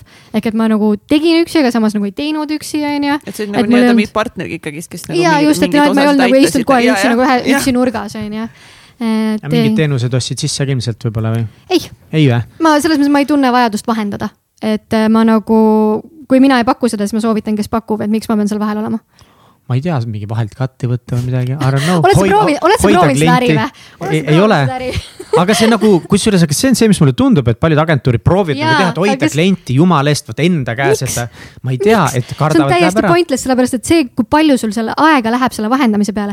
kommunikatsiooni errorid on nii kerged tulema nagu, kui sul on mingi neli lüli seal vahel. see on täiesti pointless ja iga klient, keda mina tean, kes on hea klient, väärtustab seda, et sa annad otsekontakti nagu. et mm. nagu selles mõttes, et seda enam nad tunnevad, et okei okay,, sa oled nii enesekindel, et sa annad mulle nagu teise kontakti, on ju, et mm -hmm. sa isegi ei karda, et ma lähen su juurest minema. ja tegelikult, kui sa kardad, et su klient läheb su juurest minema, siis võib-olla ongi aeg, et ta läheks minema, sest yeah. nagu see ei ole healthy relationship hirmus elad kogu aeg, on ju. ja, et see on nagu, et sa kardad, et su mingi kaaslane petab mm, sind nagu, okei okay,, et võib-olla on nagu asi sinus, mitte nagu temas, et nagu. aga mis pani sind siis äh, ikkagi tiimiliikmeid värbama äh,? ühelt poolt oligi see, et mul meeldib areneda, on ju hea on, kui sul on inimesed ümber, kes äh, küsivad su käest, miks, et äh, ja maailm andis mulle ette kaks inimest, kes ma tundsin, et võiksid äh, sobida mulle. et noh, ongi, mul on väga vähe inimesi, kellega, keda ma usaldan lihtsasti, keda ma näen, et on samasuguse tööeetikaga nagu mina. et see, et parasjagu just tuli nagu niimoodi, et oli üks inimene, keda ma mentordasin SolarRide'is ta oli lihtsalt nii terav pliiats, et mul oli nagu, et I must have her, on ju. ja siis äh, teiselt poolt üks inimene oli tööturule just tagasi tulemas pärast emapuhkust, keda ma nagu ise respekteerin väga nagu sotsmeedia valdkonnas, et ta on hästi, hästi süstemaatiline, hästi järjepidev, hästi loov, et nagu kui niisugused inimesed tulevad sul kuskilt nagu parasjagu on õhus rippumas, siis võtad nad kiirelt et siis nii-öelda universum mängis selle kaardi kätte, et mul peaks olema nüüd siis. aga ah, see ei olnud siis sellepärast, et sul lihtsalt nagu enam ei suutnud ära handle ida oma tööd? ei, sellepärast, et ma, ma olen võimeline väga palju tööd tegema, et, et tõenäoliselt mul oli isegi lihtsam ise seda kõike teha, sest eriti alguses vaata, sa ju vahendad, sa ju ja, kontrollid ja sa, sa hoiad hästi palju nagu kätt, et algul ikka on nagu see on paratamatus. et ei olnud nagu, mul oli küll jah, väga palju, väga suur töömaht, aga noh, see raha jäi ju kõik mulle. täpselt. Which is also good. et äh, aga jah, et võib-olla ongi rohkem võimalusi veel pakkuda, endale leida nagu see inimene, kes küsib su käest, miks, et seal lihtsalt kuidagi tundus õige. et nüüd on see hetk, et võtta ja teha ja toimetada. et mis, eks näis. mis see kogemus sulle kõige rohkem õpetanud on, nagu olla siis nüüd äh, jälle tiimijuht?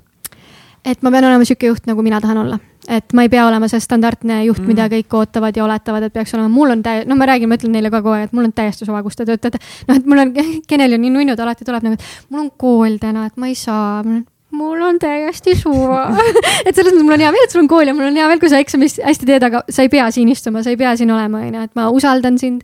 et sa teed nii hästi, kui sa jõuad, suudad saada, onju. Et jah, võib-olla see, et ma olengi hästi vahetu ja hästi aus et äh, ma ütlengi neile otse välja, et okei okay,, kui sa tahad sihukest palka, siis sa pead ettevõttele tooma sihukese raha sisse, praegu sa tood sihukese raha sisse. väga paljud ettevõttejuhid ei taha seda rääkida üldse oma töötajatega, mhm. onju. et äh, ma olen jah, sihuke, ma ütleks mitte juht, juht mis ei oleks tehtav, kui oleks suurem tiim, mitte mingi valemiga.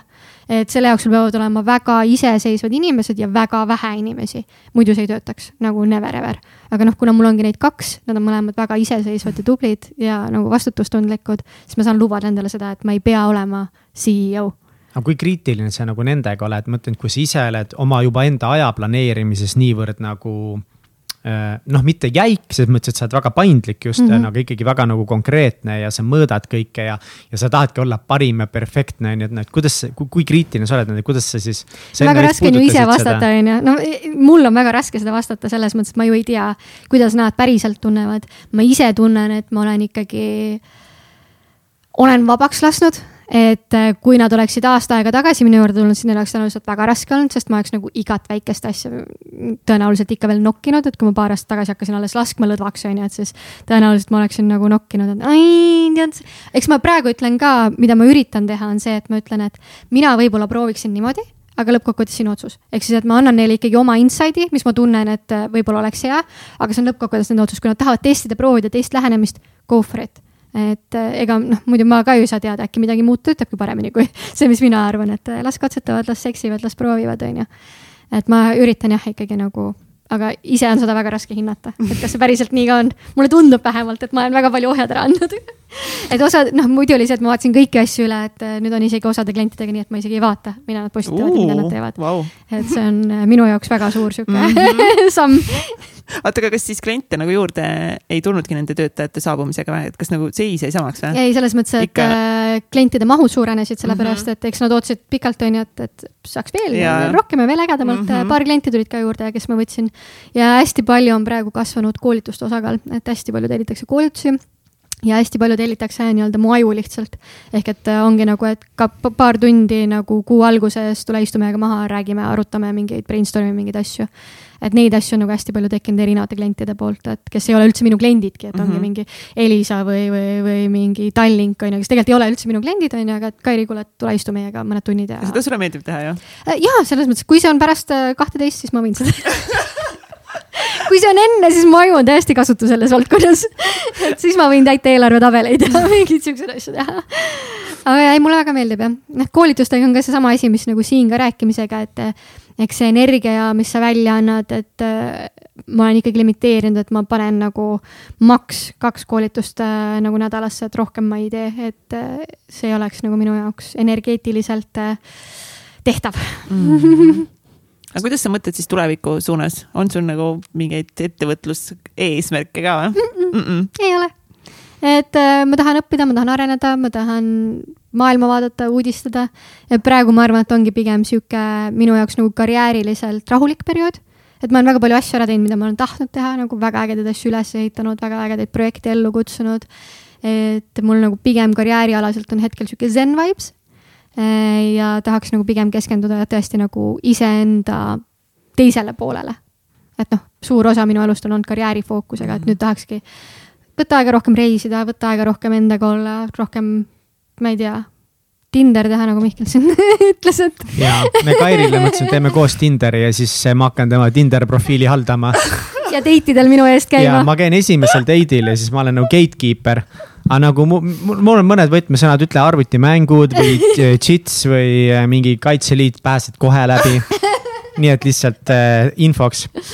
ütlen, see arvutimängude osa ma ei, ära muretse, Kairi, usalda, aga samas vot see viib mind järgmise küsimuseni, et et sa oled mitu korda siin maininud, et nagu, et sa nii-öelda ei usalda kergelt ja ka, et siuksed teatud kihid on peal ja sa ei ava ennast mm -hmm. paljudele inimestele nagu niisama, et.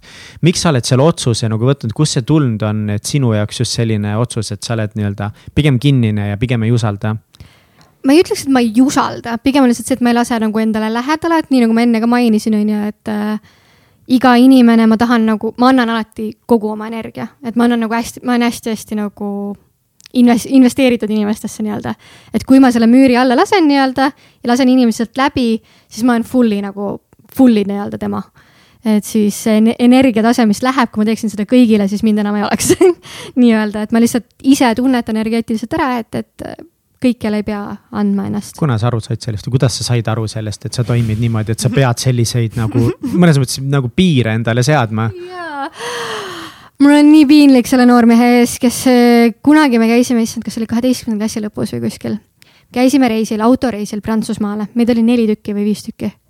igastahes ja mingil hetkel kuskil Poolas ma astusin autost välja ja ma karjusin selle noormehe peale, et äh, ma ei suuda, sa oled energiavampiir ja asi ei ole temas nagu selles, tema oli väga viisakas, tubli, küsis mu käest küsimusi ja nii edasi. aga sel hetkel ma veel ei teadnud, et mul on nagu, mul on piir ees selles mõttes, kui palju ma suudan energiat anda välja.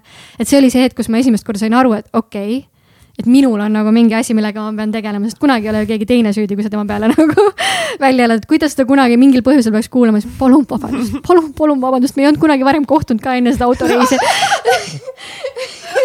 ja ta oli nagu nii sõbralik ja tore, et ma nagu väga vabandan, aga jah, et äh, seal sellest hetkest ma sain võib-olla aru. esimest korda nagu kaardistasin enda jaoks ära, et mul on nagu mingid piirid, et kui palju ma suudan välja anda ja nüüd edasi ongi pigem nagu, ma isegi ütleks, et see on alateadlikult kuidagi. et äh, mõne inimesega ma tunnen, et ta annab ka mulle energiat, et siis tuleb hästi kiiresti tegelikult müür maha. Äh, mõne inimesega ongi lihtsalt see, et ma tunnen, et sinna läheb hästi-hästi palju, et siis ma hoian natukene seda, seda voolu, voolu nagu vähe, vähema, vähemana nii-öelda. tahtnud näha seda, kus lihtsalt karjud autos mingi lammivenna peale. ülikahju. ma ei ole üldse kunagi see inimene, kes nagu, et peaks kahetsema midagi, mida sa elus teinud oled yeah., aga mõne asja pärast on ikka piinlik küll. see on üks nendest asjadest. mille pärast sul piinlik on? viskasin kunagi ühte oma klassivenda platvormkingaga, ma tahtsin tast mööda visata, ta sai vastu nägu miks, kes seda teab, jumalin draama queen, aga nagu mingid siuksed asjad Ja, on, ja. mis nagu, et kui ma ütlen, et ma ei mäleta oma lapsepõlvest väga palju asju, siis mingid asjad on ikka, mis on nagu talletunud kuidagi, et mingid lollused täiesti nagu. ma helistasin ükskord kunagi ka suht ammu täiega purjus peaga oma eksi-isale, emale öösel mingi kell kaks öösel, midagi sellist. pärast seda, kui me olime just mingi nädal aega tagasi lahku läinud, midagi siukest ja mina ei mäleta, mis nüüd rääkida tahtsin, aga ma olin jumal purjus, mingi üliolu-, ülioluline oli kätte saada neid öösel. Kus su sõbrad olid, kes su telefoni ära võtaks? ai, who knows no vaata, see on see koht, kus ei tohi seda nagu enda sisetunnet lasta, et see ratsionaalne aju peab üle võtma natukene sisetunne ütles, et praegu peaks helistama neile ja jahurama nendega natukese. aga kõikide nende nii-öelda ämbritega ongi, ma hakkasin mõtlema, et kas on need ämbrid vaja nagu läbi kolistada või mitte, on ju, kõik need vead teha või mitte, et äh, ma ise võib-olla tundsingi, et äh, minu vanemad ei ole väga mu kätt hoidnud või suunanud või öelnud, kuidas elada või mida teha mm. -hmm. et ma olen nii-öelda vabakasvatuses olnud, et küll ise nuputab välja. ma ei teagi, kumb nagu õigem või parem on, et kui kui ma vaatan näiteks oma sõbrannade lapsi praegu, siis ma ikkagi üritan neid nagu suunata, et kui nad räägivadki, jaa, naersime mingi poisi üle, kes ei osanud äh, äh, lugeda, onju, siis ma üritan ikkagi mm. suunata ja, ja nagu ma tunnen, et mind, ma pidin ise selle kõik õppima, et mind keegi nagu ei suunanud või ei öelnud, mis on nagu hea, halb, kuidas läbi elutee minna niimoodi, et sa võimalikult vähestele inimestele haiget teed. et ma ei tea, kas on nagu vaja ise läbi kolistada numbrid või mitte, et kus see piir jookseb. et aga jah sa tõid oma vanemad korra mängu, kasutan seda võimalust, et äh, minna sinna veel korra, et kas sa tunned, et sa tahaksid, et su vanemad oleksid öelnud sulle või ütleksid täna rohkem, et ma armastan sind? ei, mul ei ole seda vaja, sest nagu ma ütlesin, tegelikult nagu ma tunnetasin seda kogu aeg. ma pigem nagu noh, mul on neist natukene võib-olla kahju, et nad kasvatasid mind hästi iseseisvaks. mis tähendab, et ma täna olengi iseseisev, mis tähendab, et ma ei toetu väga nendele, ma nagu ja kuna ma olen ka sihuke introvertne inimene, hästi produktiivsusele orienteeritud inimene, siis ma võib-olla ei ole kõige parem tütar selles kontekstis, ma ei ole nende jaoks kogu aeg olemas. et kui neil on vaja nagu, et aga Eri, too auto või vii see või tehnilise poolel ma teen kõik asjad, mis neil vaja on, aga ma ei ole nagu emotsionaalselt, ma ei helista neile, et kuidas mm -hmm. sul läheb ja mis sa mõtled ja mm, -hmm. sest ma ei oska ka niimoodi, et mul nagu nendega ei ole sellist suhet olnud, ma natukene nagu tunnen ennast selle koha pealt võib-olla süüdi jah, et see ongi tegelikult üks põhimõtteliselt põhilisi asju, mida ma arutasin oma psühholoogiga ka, et see nii-öelda süütunne vanemate ees, et ma peaksin nende eest rohkem mm -hmm. hoolitsema. ja mulle nii meeldis, et noh, ta ütles mulle väga konkreetselt, et sina, sa ei vastuta oma vanemate elude eest, et see, et nad sünnitasid sind, see ei tähenda, et sa võlgned neile midagi. et see nagu lasi minu jaoks selle koorma kuidagi äh, minna, et, et, et jah, ma, mul on kahju võib-olla natukene neist, et ma ei ole nii palju olemas, aga, aga ma loodan, et mõistavad, et nad kasvatasid mind nagu siukseks iseseisvaks inimeseks ja see on lihtsalt see, kes ma olen. vanaks saades on iseenesest see nagu hästi tore vanemate puhul, et sa hakkad rohkem neist aru saama mingis mõttes ja saab tekkida ka sihuke sügavam suhe natukese, et minu, minul endal vähemalt on, mul on selle üle hästi nagu hea meel, et, et kui ma ikkagi olin laps, siis nemad olid mu vanemad ja mina olin laps mm. -hmm. kui ma saan nüüd vanemaks, siis kindlasti oluline see, et mõnes mõttes see roll nagu peab alati jääma nagu see dünaamika paika jääma, aga, aga nüüd ma saan nagu oma emaga palju lähedasem olla, me saame rääkida mingitest asjadest, millest me ei saanud nagu lapsena rääkida, tema saab rääkida mulle oma seiklustest ja, ja kogemustest ja kõigest nagu mm. -hmm. et see on iseenesest, mis mulle nagu väga meeldib, mida oma isaga tahaks ka nagu palju rohkem arendada, mis meil ei tule üldse omavahel välja, me ei oska üldse rääkida omavahel. mina ka oma vanematega üldse nagu noh, võib-olla ka see, et ongi emaga me oleme hästi erinevad äh, enamus asjades on ju, et siis mul on hästi raske ka rääkida nagu, et mul on väga keeruline rääkida inimestega, kes ei võta vastutust oma elu eest. Mm.. et see on minu jaoks nagu mul on keeruline võib-olla mõista. Et mul on lihtsalt keeruline nagu mõista, et ma saan aru, et igaüks nagu elab oma elu nii, nagu tal vaja on, aga mul on hästi keeruline suhelda mm. inimestega, kes kes ei võta vastutust oma elu eest ja kes ei ole valmis nägema teist poolt. et need on nagu kaks sihukest asja, kus ma olen alati nagu natukene erroris, et, et, et võib-olla meil ei ole väga hea kommunikatsioon siinkohal, et võib no, samamoodi nagu kliendiga, et võib-olla, võib-olla peaksid kellegi teisega rääkima sellest, et noh, et see on ka üks asi, mis meil on nii vähe aega meil on nagu siin maailmas nii vähe aega, nii palju asju, mida tahaks kõike teha, et sa pead ikkagi nagu prioritiseerima, et mis on need asjad, mis nagu sinu jaoks selle eluaja jooksul kõige olulisemad on. ja nendesse siis pühendama ennast, on ju, ja panema oma aega. tahad ka kommenteerida või kaasa rääkida siin? Midagi, sa vahepeal tegid mingit nägu. ei, lihtsalt feels feels, feels.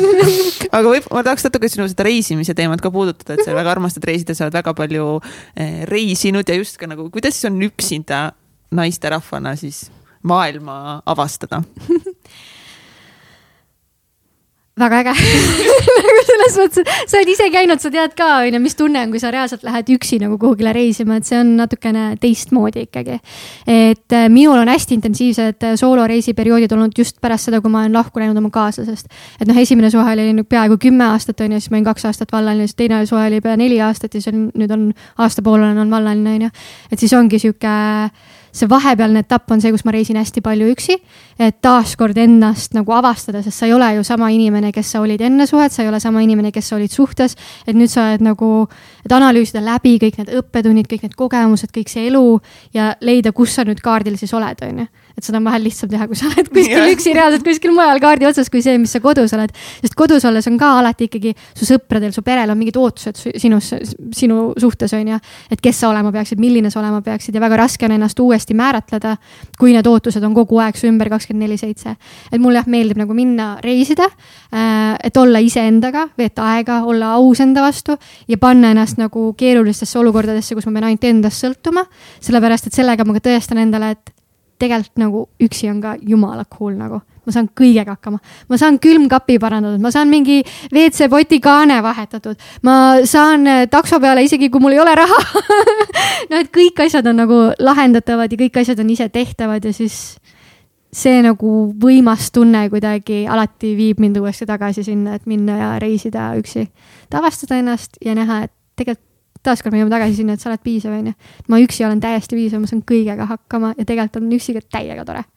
on ja, aga see ongi, miks enamus ei, ei lähegi üksinda reisima, ongi see, et sa oled seal üksinda, ehk siis sa vastutadki ise kõige eest, mis -hmm. milliseks see reis seal kogeneb ja kujuneb, et sellepärast nagu paljud naised ei julgegi üksinda või no mehed samamoodi onju. aga see on tegelikult meeletu privileeg nagu, kui sa ikkagi üksi lähed, sest sa teed täpselt seda, mida sa tahad. tahad sisse magada, magad sisse, tahad minna sööma siuksesse kohta, kuhu ükski su sõber ei läheks, lähed nagu, et selles mõttes see on täielik vabadus ikkagi. Ultimate vabadus ja, nagu jah. et nagu see hirm, seda ma võib-olla natuke kummutaks, sest tõesti mul on tunne, et nagu naisterahvad arvavad, et hästi hirmus on maailmas üksi reisida võta alati esimeseks kohtadeks need kohad, kus on kõige turvalisem, on ju.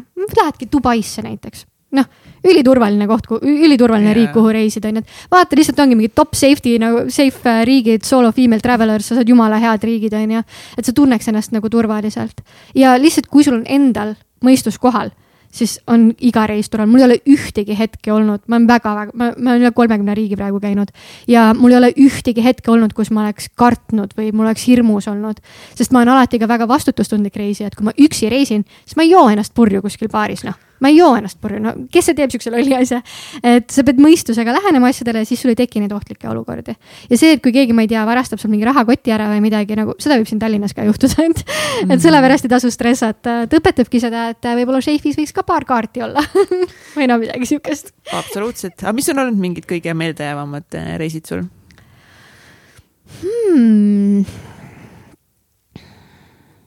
Neid on nii palju, sest igaüks on omamoodi, on ju, igast ühest sa õpid taaskord midagi. kõige võib-olla seiklusrohkemad mul ei ole väga mingeid äpardusi olnud, et noh, ma tegin äh, äh, Eurotripi tegin, on ju äh,, rongiga, mis oli hästi cool, sellepärast ikka jäid mõnest rongist maha, sellepärast et äh, jäid uute tuttavate reisijatega suhtlema, on ju äh,. oligi Itaalias, kaotasin oma rahakoti ära, mis tähendab, et mul ei olnud nagu võimalik kuidagi midagi osta, aga siis kõik, äh, kes hostelis on, ikka tulevad appi ja aitavad, on ju.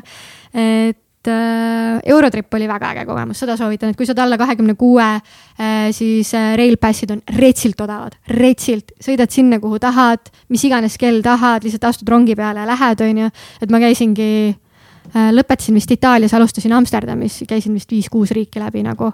et ülimõnus kogemus ja äh, mida ma soovitan ka nagu, mis ma praegu ise sooloreisil teen hästi tihti, on see, et äh, ma esimesed päevad võtan nagu enda aja ja viimased päevad võtan enda aja ja keskele planeerin niisugused sotsialiseerumise asjad, on ju.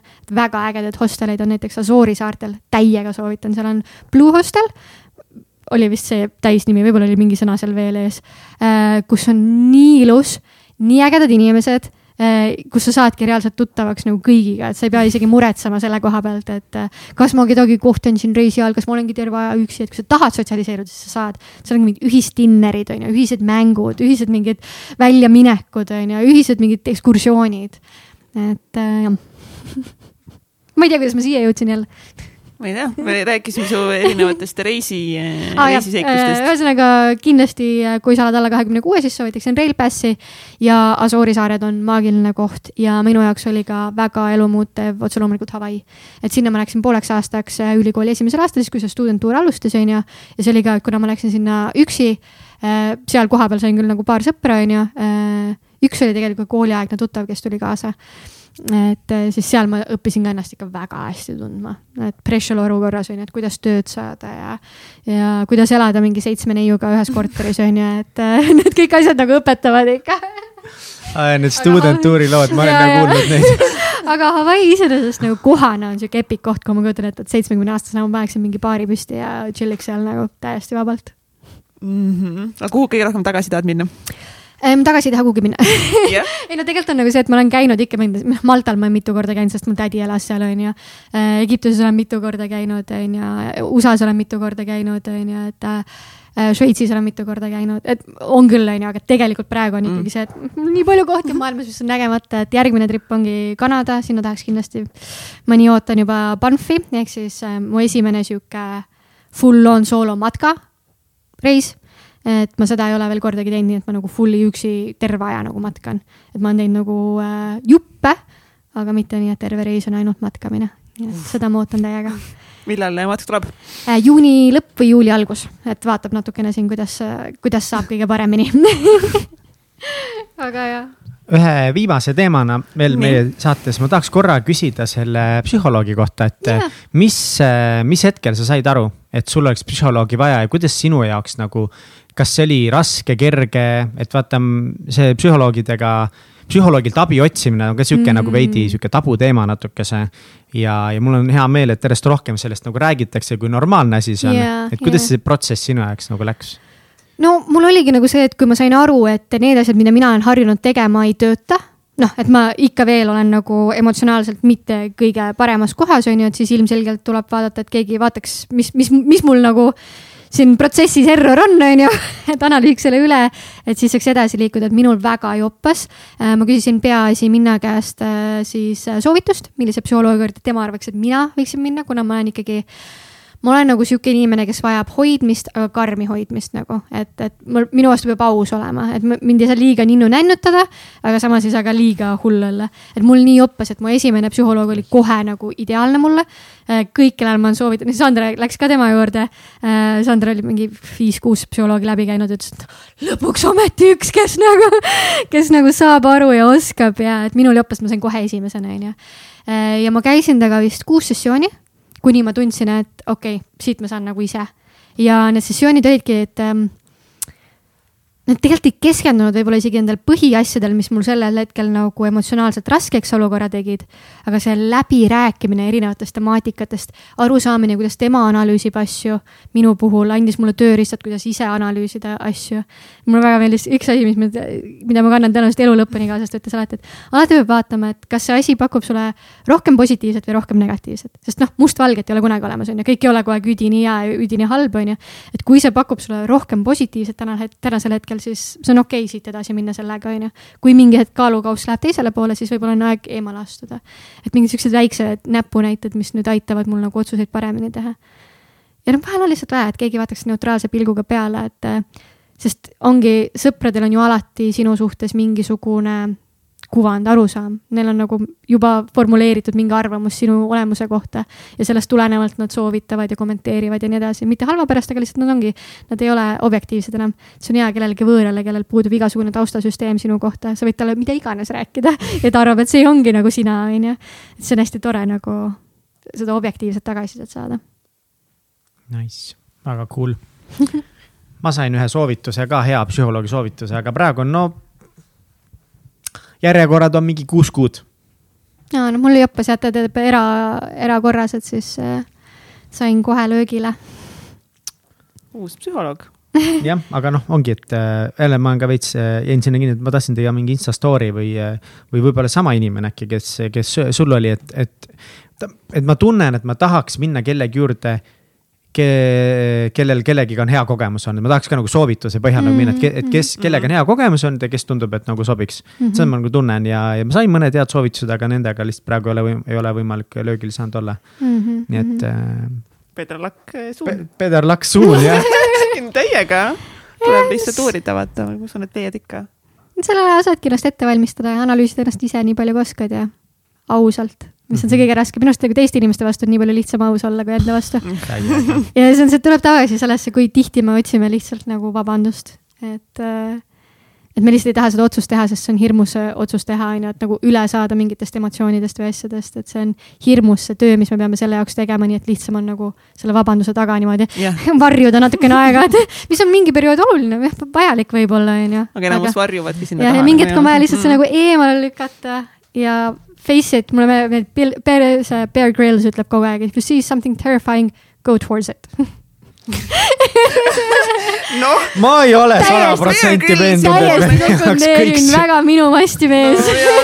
ärge võtke Bear Grillsi sõnu kuulda, muidu te kõik joote kust läbi mingi kuradi ussinaha lihtsalt. noh. But you will survive ja siis sa But saadki you aru, will et survive. you will survive everything, et lõppkokkuvõttes ongi, et kui sa, kui sa vaatad sellele hirmsale asjale otsa, Or siis sa saad aru noh. tegelikult, et sa jääd, sa jääd ellu. sa saad sellest üle, et see, et mõnikord see, kui me mõtleme asjad hirmsamaks ja suuremaks, kui nad tegelikult on. enamus ajast seda me teemegi nagu. täpselt, muretsid, teed mingi asja ära, siis aa, polnudki niimoodi. see oligi nagu see kõik või? sellepärast ma stressasingi siin kaks kuud, okei okay,, davai kaks. kuud, võib-olla isegi kaks aastat või kehvemal Jah. juhul võib-olla isegi mingi kümme aastat. aga millised ongi võib-olla mingid lõpetuseks veel mingid elu sellised võib-olla mingid põhitõed, mis, mis on sinu jaoks nagu, mis, mis sa oled nii-öelda siis selgeks saanud, mille põhjal sa elad ja mida sa võib-olla siis nagu ka natuke teistele soovitad? Raske on teistele soovitada, sest ei tea, on ju, millist elu keegi elab, et äh, kõigile ei pruugi suvaline, nagu mingi lihtsalt täiesti noh. ma võin lihtsalt öelda, et mis on nagu need asjad, mida mina Jah. täna nagu väärtustan, on ju, et äh, mille poole ma nagu püüdlen, et üks asi ongi see, et ausalt küsida endalt, miks ma ei taha olla õnnelik. kui on asjad, mis ma, sest ma ju ise teen asju oma elus, ainult mina saan vastutada nende asjadest, et kui see arusaam on olemas, siis ma arvan, et väga paljud probleemid elus lahenevad iseenesest järsku, kui sa selle küsimuse küsid. Teiselt poolt äh, ma soovitaks jah kõigil äh,, kui päike paistab, tehke aken lahti, pange muusika mängima, tantsige. et see on, lasta endal olla õnnelik nagu mingis hetkes, et nagu mitte lasta sellel mööda minna, sellepärast et sa oled mõtetega kuskil mujal, et äh, ma, te näete mind tänaval, sest tihtipeale näete mind näiteks tantsimas, onju. sest mul vahel on lihtsalt nagu vaja nagu tantsutseda natukene, onju. Et lubada endal neid asju teha, mis äh, toovad selle hetke õnne. et mulle väga meeldis ka see, et esimene date, kus ma läksin, oligi äh, noormehega, kes oli sama lapsemeelne nagu mina, mis tähendab, et me kiikusime, lasime liugu, tantsisime kuuvalge all äh, pargis, niimoodi, et inimesed kõnnivad mööda, onju. et äh, ühesõnaga jah, et lasta endal äh, tunda seda õnne ja ma ei teagi, kas on veel midagi. vist ei ole. See on nii raske kokku võtta, ma loodan, et siit oli midagi podcast'i jooksul, mis jäi kõrva. ei, kindlasti mitte. no okei okay,, oli tore, no tšau. kõige, kõige tähtsam küsimus üldse, kas tuleb ka teine date või kas oli teine date, sellesama esimene date, mis sa rääkisid?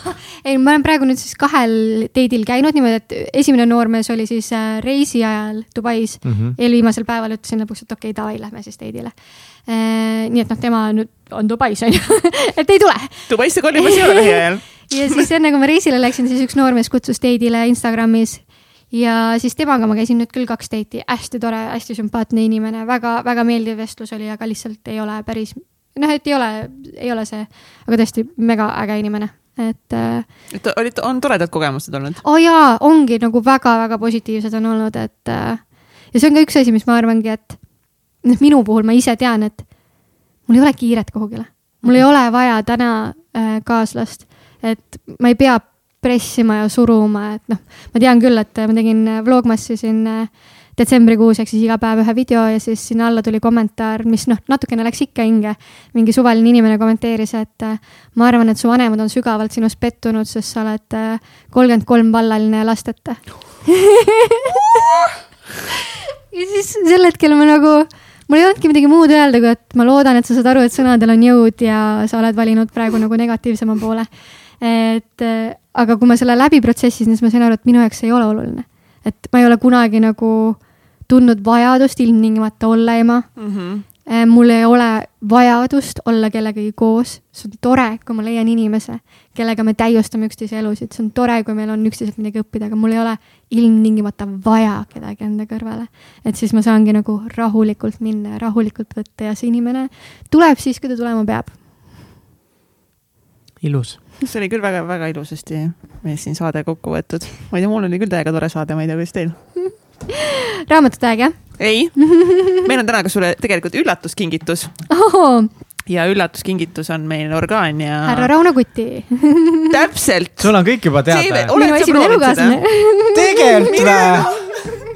päriselt või? It's all The rockstar, the rockstar. nii. oota, Raun oligi see, kes siis kümme aastat koos oli? peaaegu kümme jah, peaaegu wow,. kuule ah., kui sa, oot, oot, oot, kuskilt see tuli, see tuli mingist vestlusest, midagi mul meenub, midagi kuskilt tuli, midagi oli, midagi oli, siis kuskil vahel nagu mingi lau-, noh siis sellest mingi, et mingi Kairi, noh. ja siis korra, ah mida ja siis nagu nüüd it all makes so much sense nagu.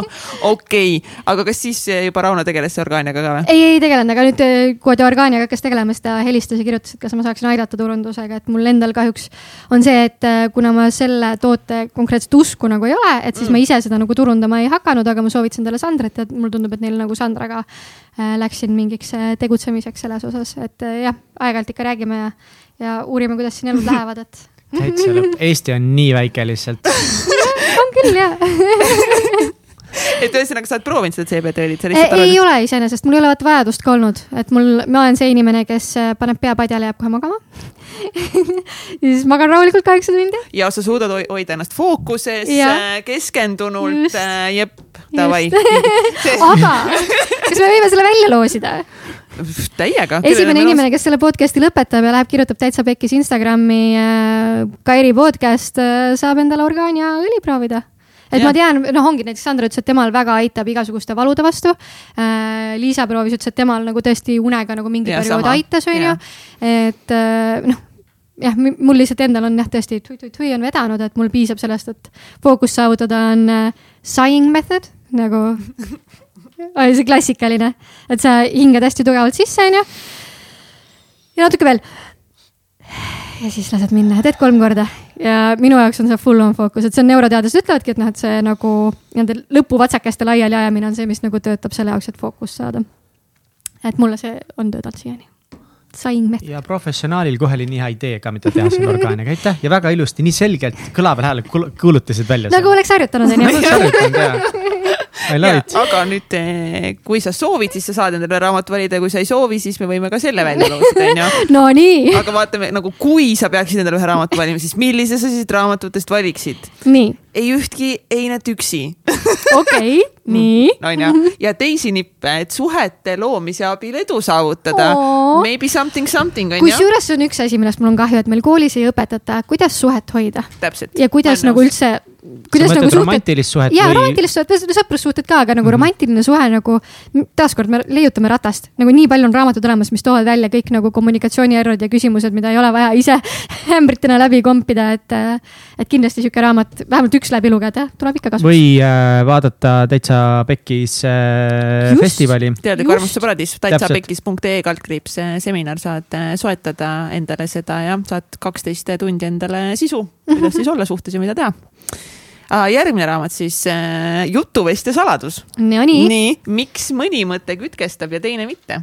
oled sa teeditäht või ärilegend? ma olen praegu mingi neli storytelling'u raamatut läbi lugenud. Kuna meil on storytelling'u koolitus tulemas, et siis ma olen ennast kurssi viinud siin erinevatega. Tulemuslikkuse kunst, sinu konkurentsieelis, no ka ütleme nii, et Kairi on päris tulemuslikkuse kunsti juba saavutanud. ja siis nüüd on siin äh, Gary Vayner- Vaynerchuki raamat, siis nii lüüakse läbi, samuti äh, Kairi ütles, et Gary on nagu mingi eilne päev, nüüd on juba uued mingid kutid. ei, kuigi mulle meeldib ka nagu see, et tema on oma filosoofiat täielikult muutnud, et ta oli ka algul ikkagi väga hustle culture, Jaa. nüüd ta on väga nagu living in the moment on ju ja Vau, ta on ka ikkagi, nüüd et, nagu, et, et mis asjad on ikkagi need asjad, Tema mis on elus olulised. et jah, täpselt, ka Gary. kõik käime, kõik käime ja areneme siin ja siit kohe teema jätkuks hetkede jõud.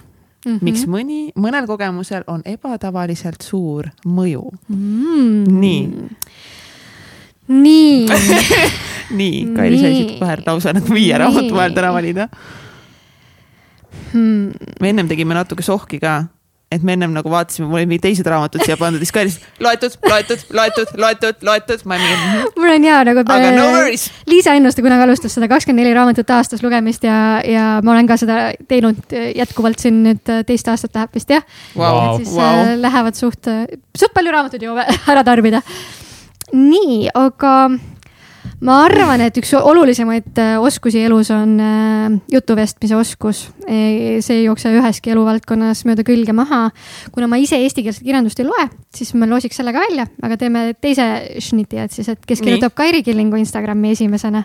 et äh, kuulas tänase podcast'i ära, siis äh, jutuvestja saladus, Carmin Gallo ootab sind saab selle ja, nii ja, well played lihtsalt. ja, ja kui sina tahad ka endale neid, nendest mõnda raamatut tellida, siis miljon punkt ee saad seda, saad, saad shopata seal ja siis kasutades koodi täitsa pekkis eh, saad ka kümme protsenti soodukat. super, aa, ja siis, siis Kairas mõni peaasjassi selle orgaaniaga seoses ka ju, et mingi siin Rauno Kutti ja kes ei ole veel Rauno Kutti kusjuures see saadet kuulnud. väga hea saade. podcast'is Milline mees, siis eh, mine kuula seda, saad Rauno taustast ka natuke rohkem teada ja now maybe nagu peaks uuesti kuulama, võib-olla saab nagu veitsa. Kairi, kas see Rauno rääkis õiget juttu üldse või sina tead nüüd siin, kas, kas ajas jama või mitte? ei ajanud ja ma ta on alati väga otsekohene olnud. ja et kui sa tahad proovida orgaaniat CBD-õli, siis äh, Pekkis viisteist saad viisteist protsenti soodustust, seda ma tahtsin öelda, aga ajas pea sassi äh,. nii et orgaania.eu-st saate shopata. vot nii, nüüd on kõik mul öeldud, ma arvan, Mihkel. mina tahaks ainult öelda aitäh, Kairi. Aitäh sulle.. mul on üks küsimus ikkagist veel. kus meie kuulajad saavad sinu tegemistel silma peal hoida? oi, ma ei postita. Ma ise naeran ka, et mu enda konto, mu viimane postitus on vist detsembrist. me oleme omadega märtsi lõpus, just to clarify. aga muidu ma olen igal pool Kairi Killing jah. tegelikult on okei, on ju, kui sotsiaalmeedia inimesel ei ole mingi hullult äh, kõva sotskonto, kuigi sul on täiega selles mõttes nagu palju follower'id, ilusad pildid, kõik on nagu kena, aga, aga kas see siis näitab või ei näita ära, et sa oled hea või halb? ei näita no,. ütleme, et kui mina telliksin kliendina sisse sotsiaalmeedia spetsialistilt töö ja tal endal kontol on kakssada jälgijat, siis ma võib-olla ei oleks okay. Väga enesekindel selles, et äh, mida ta räägib või mida ta teeb. et miks ta neid asju siis oma kontole ei rakenda, on ju. et mis puudutab lihtsalt selle postitamise järjepidevusse, siis iga postitus, mis ma teen, on ikkagi eesmärgipärastatud, eesmärgistatud, jah nii et, et sellepärast on ka numbrid tegelikult, kaasatuse numbrid, jälgijate numbrid head, et isegi kui vähe, siis pigem nagu kvaliteetsed, seda ma ütlen klientidele ka, et alati kvaliteet üle kvantiteedi, okei. et võiks olla. aga nagu samas, kui sul on ette näidata kõik edukad nagu teised klientide omad, siis on ju okei. ja siis on ju muidugi, kui sul on, aga noh, kõige lihtsam visiitkaart on enda konto alati alati ja, ja vaadake Kairi Kilingu videosid Youtube'is. oh,. ja seal on ju isegi Zanzibar, kus on Kats Jägert ka, nii et äh, jagavad Zanzibar. reisitarkusi. täielikult nagu pff, ja minge vaadake. kuulge, mega aitäh, et te külla kutsusite ja, ja, ja siin äh, pidasite vastu selle, et ma ei ole nii avatud kohe kaartidega, et äh, see oli täiega avatud. ja, ja Mihkel has seen worse. No väga hea, et siis nagu ei, täiega tore oli. mega, mega, mega kihvt vestlust, aitäh sulle, Kairi. ja aitäh, kuulajad ja eks siis järgmise saateni ma kuulan siis edasi, mis te teete siin nüüd kellega. jah, tšau. tšau. tšau.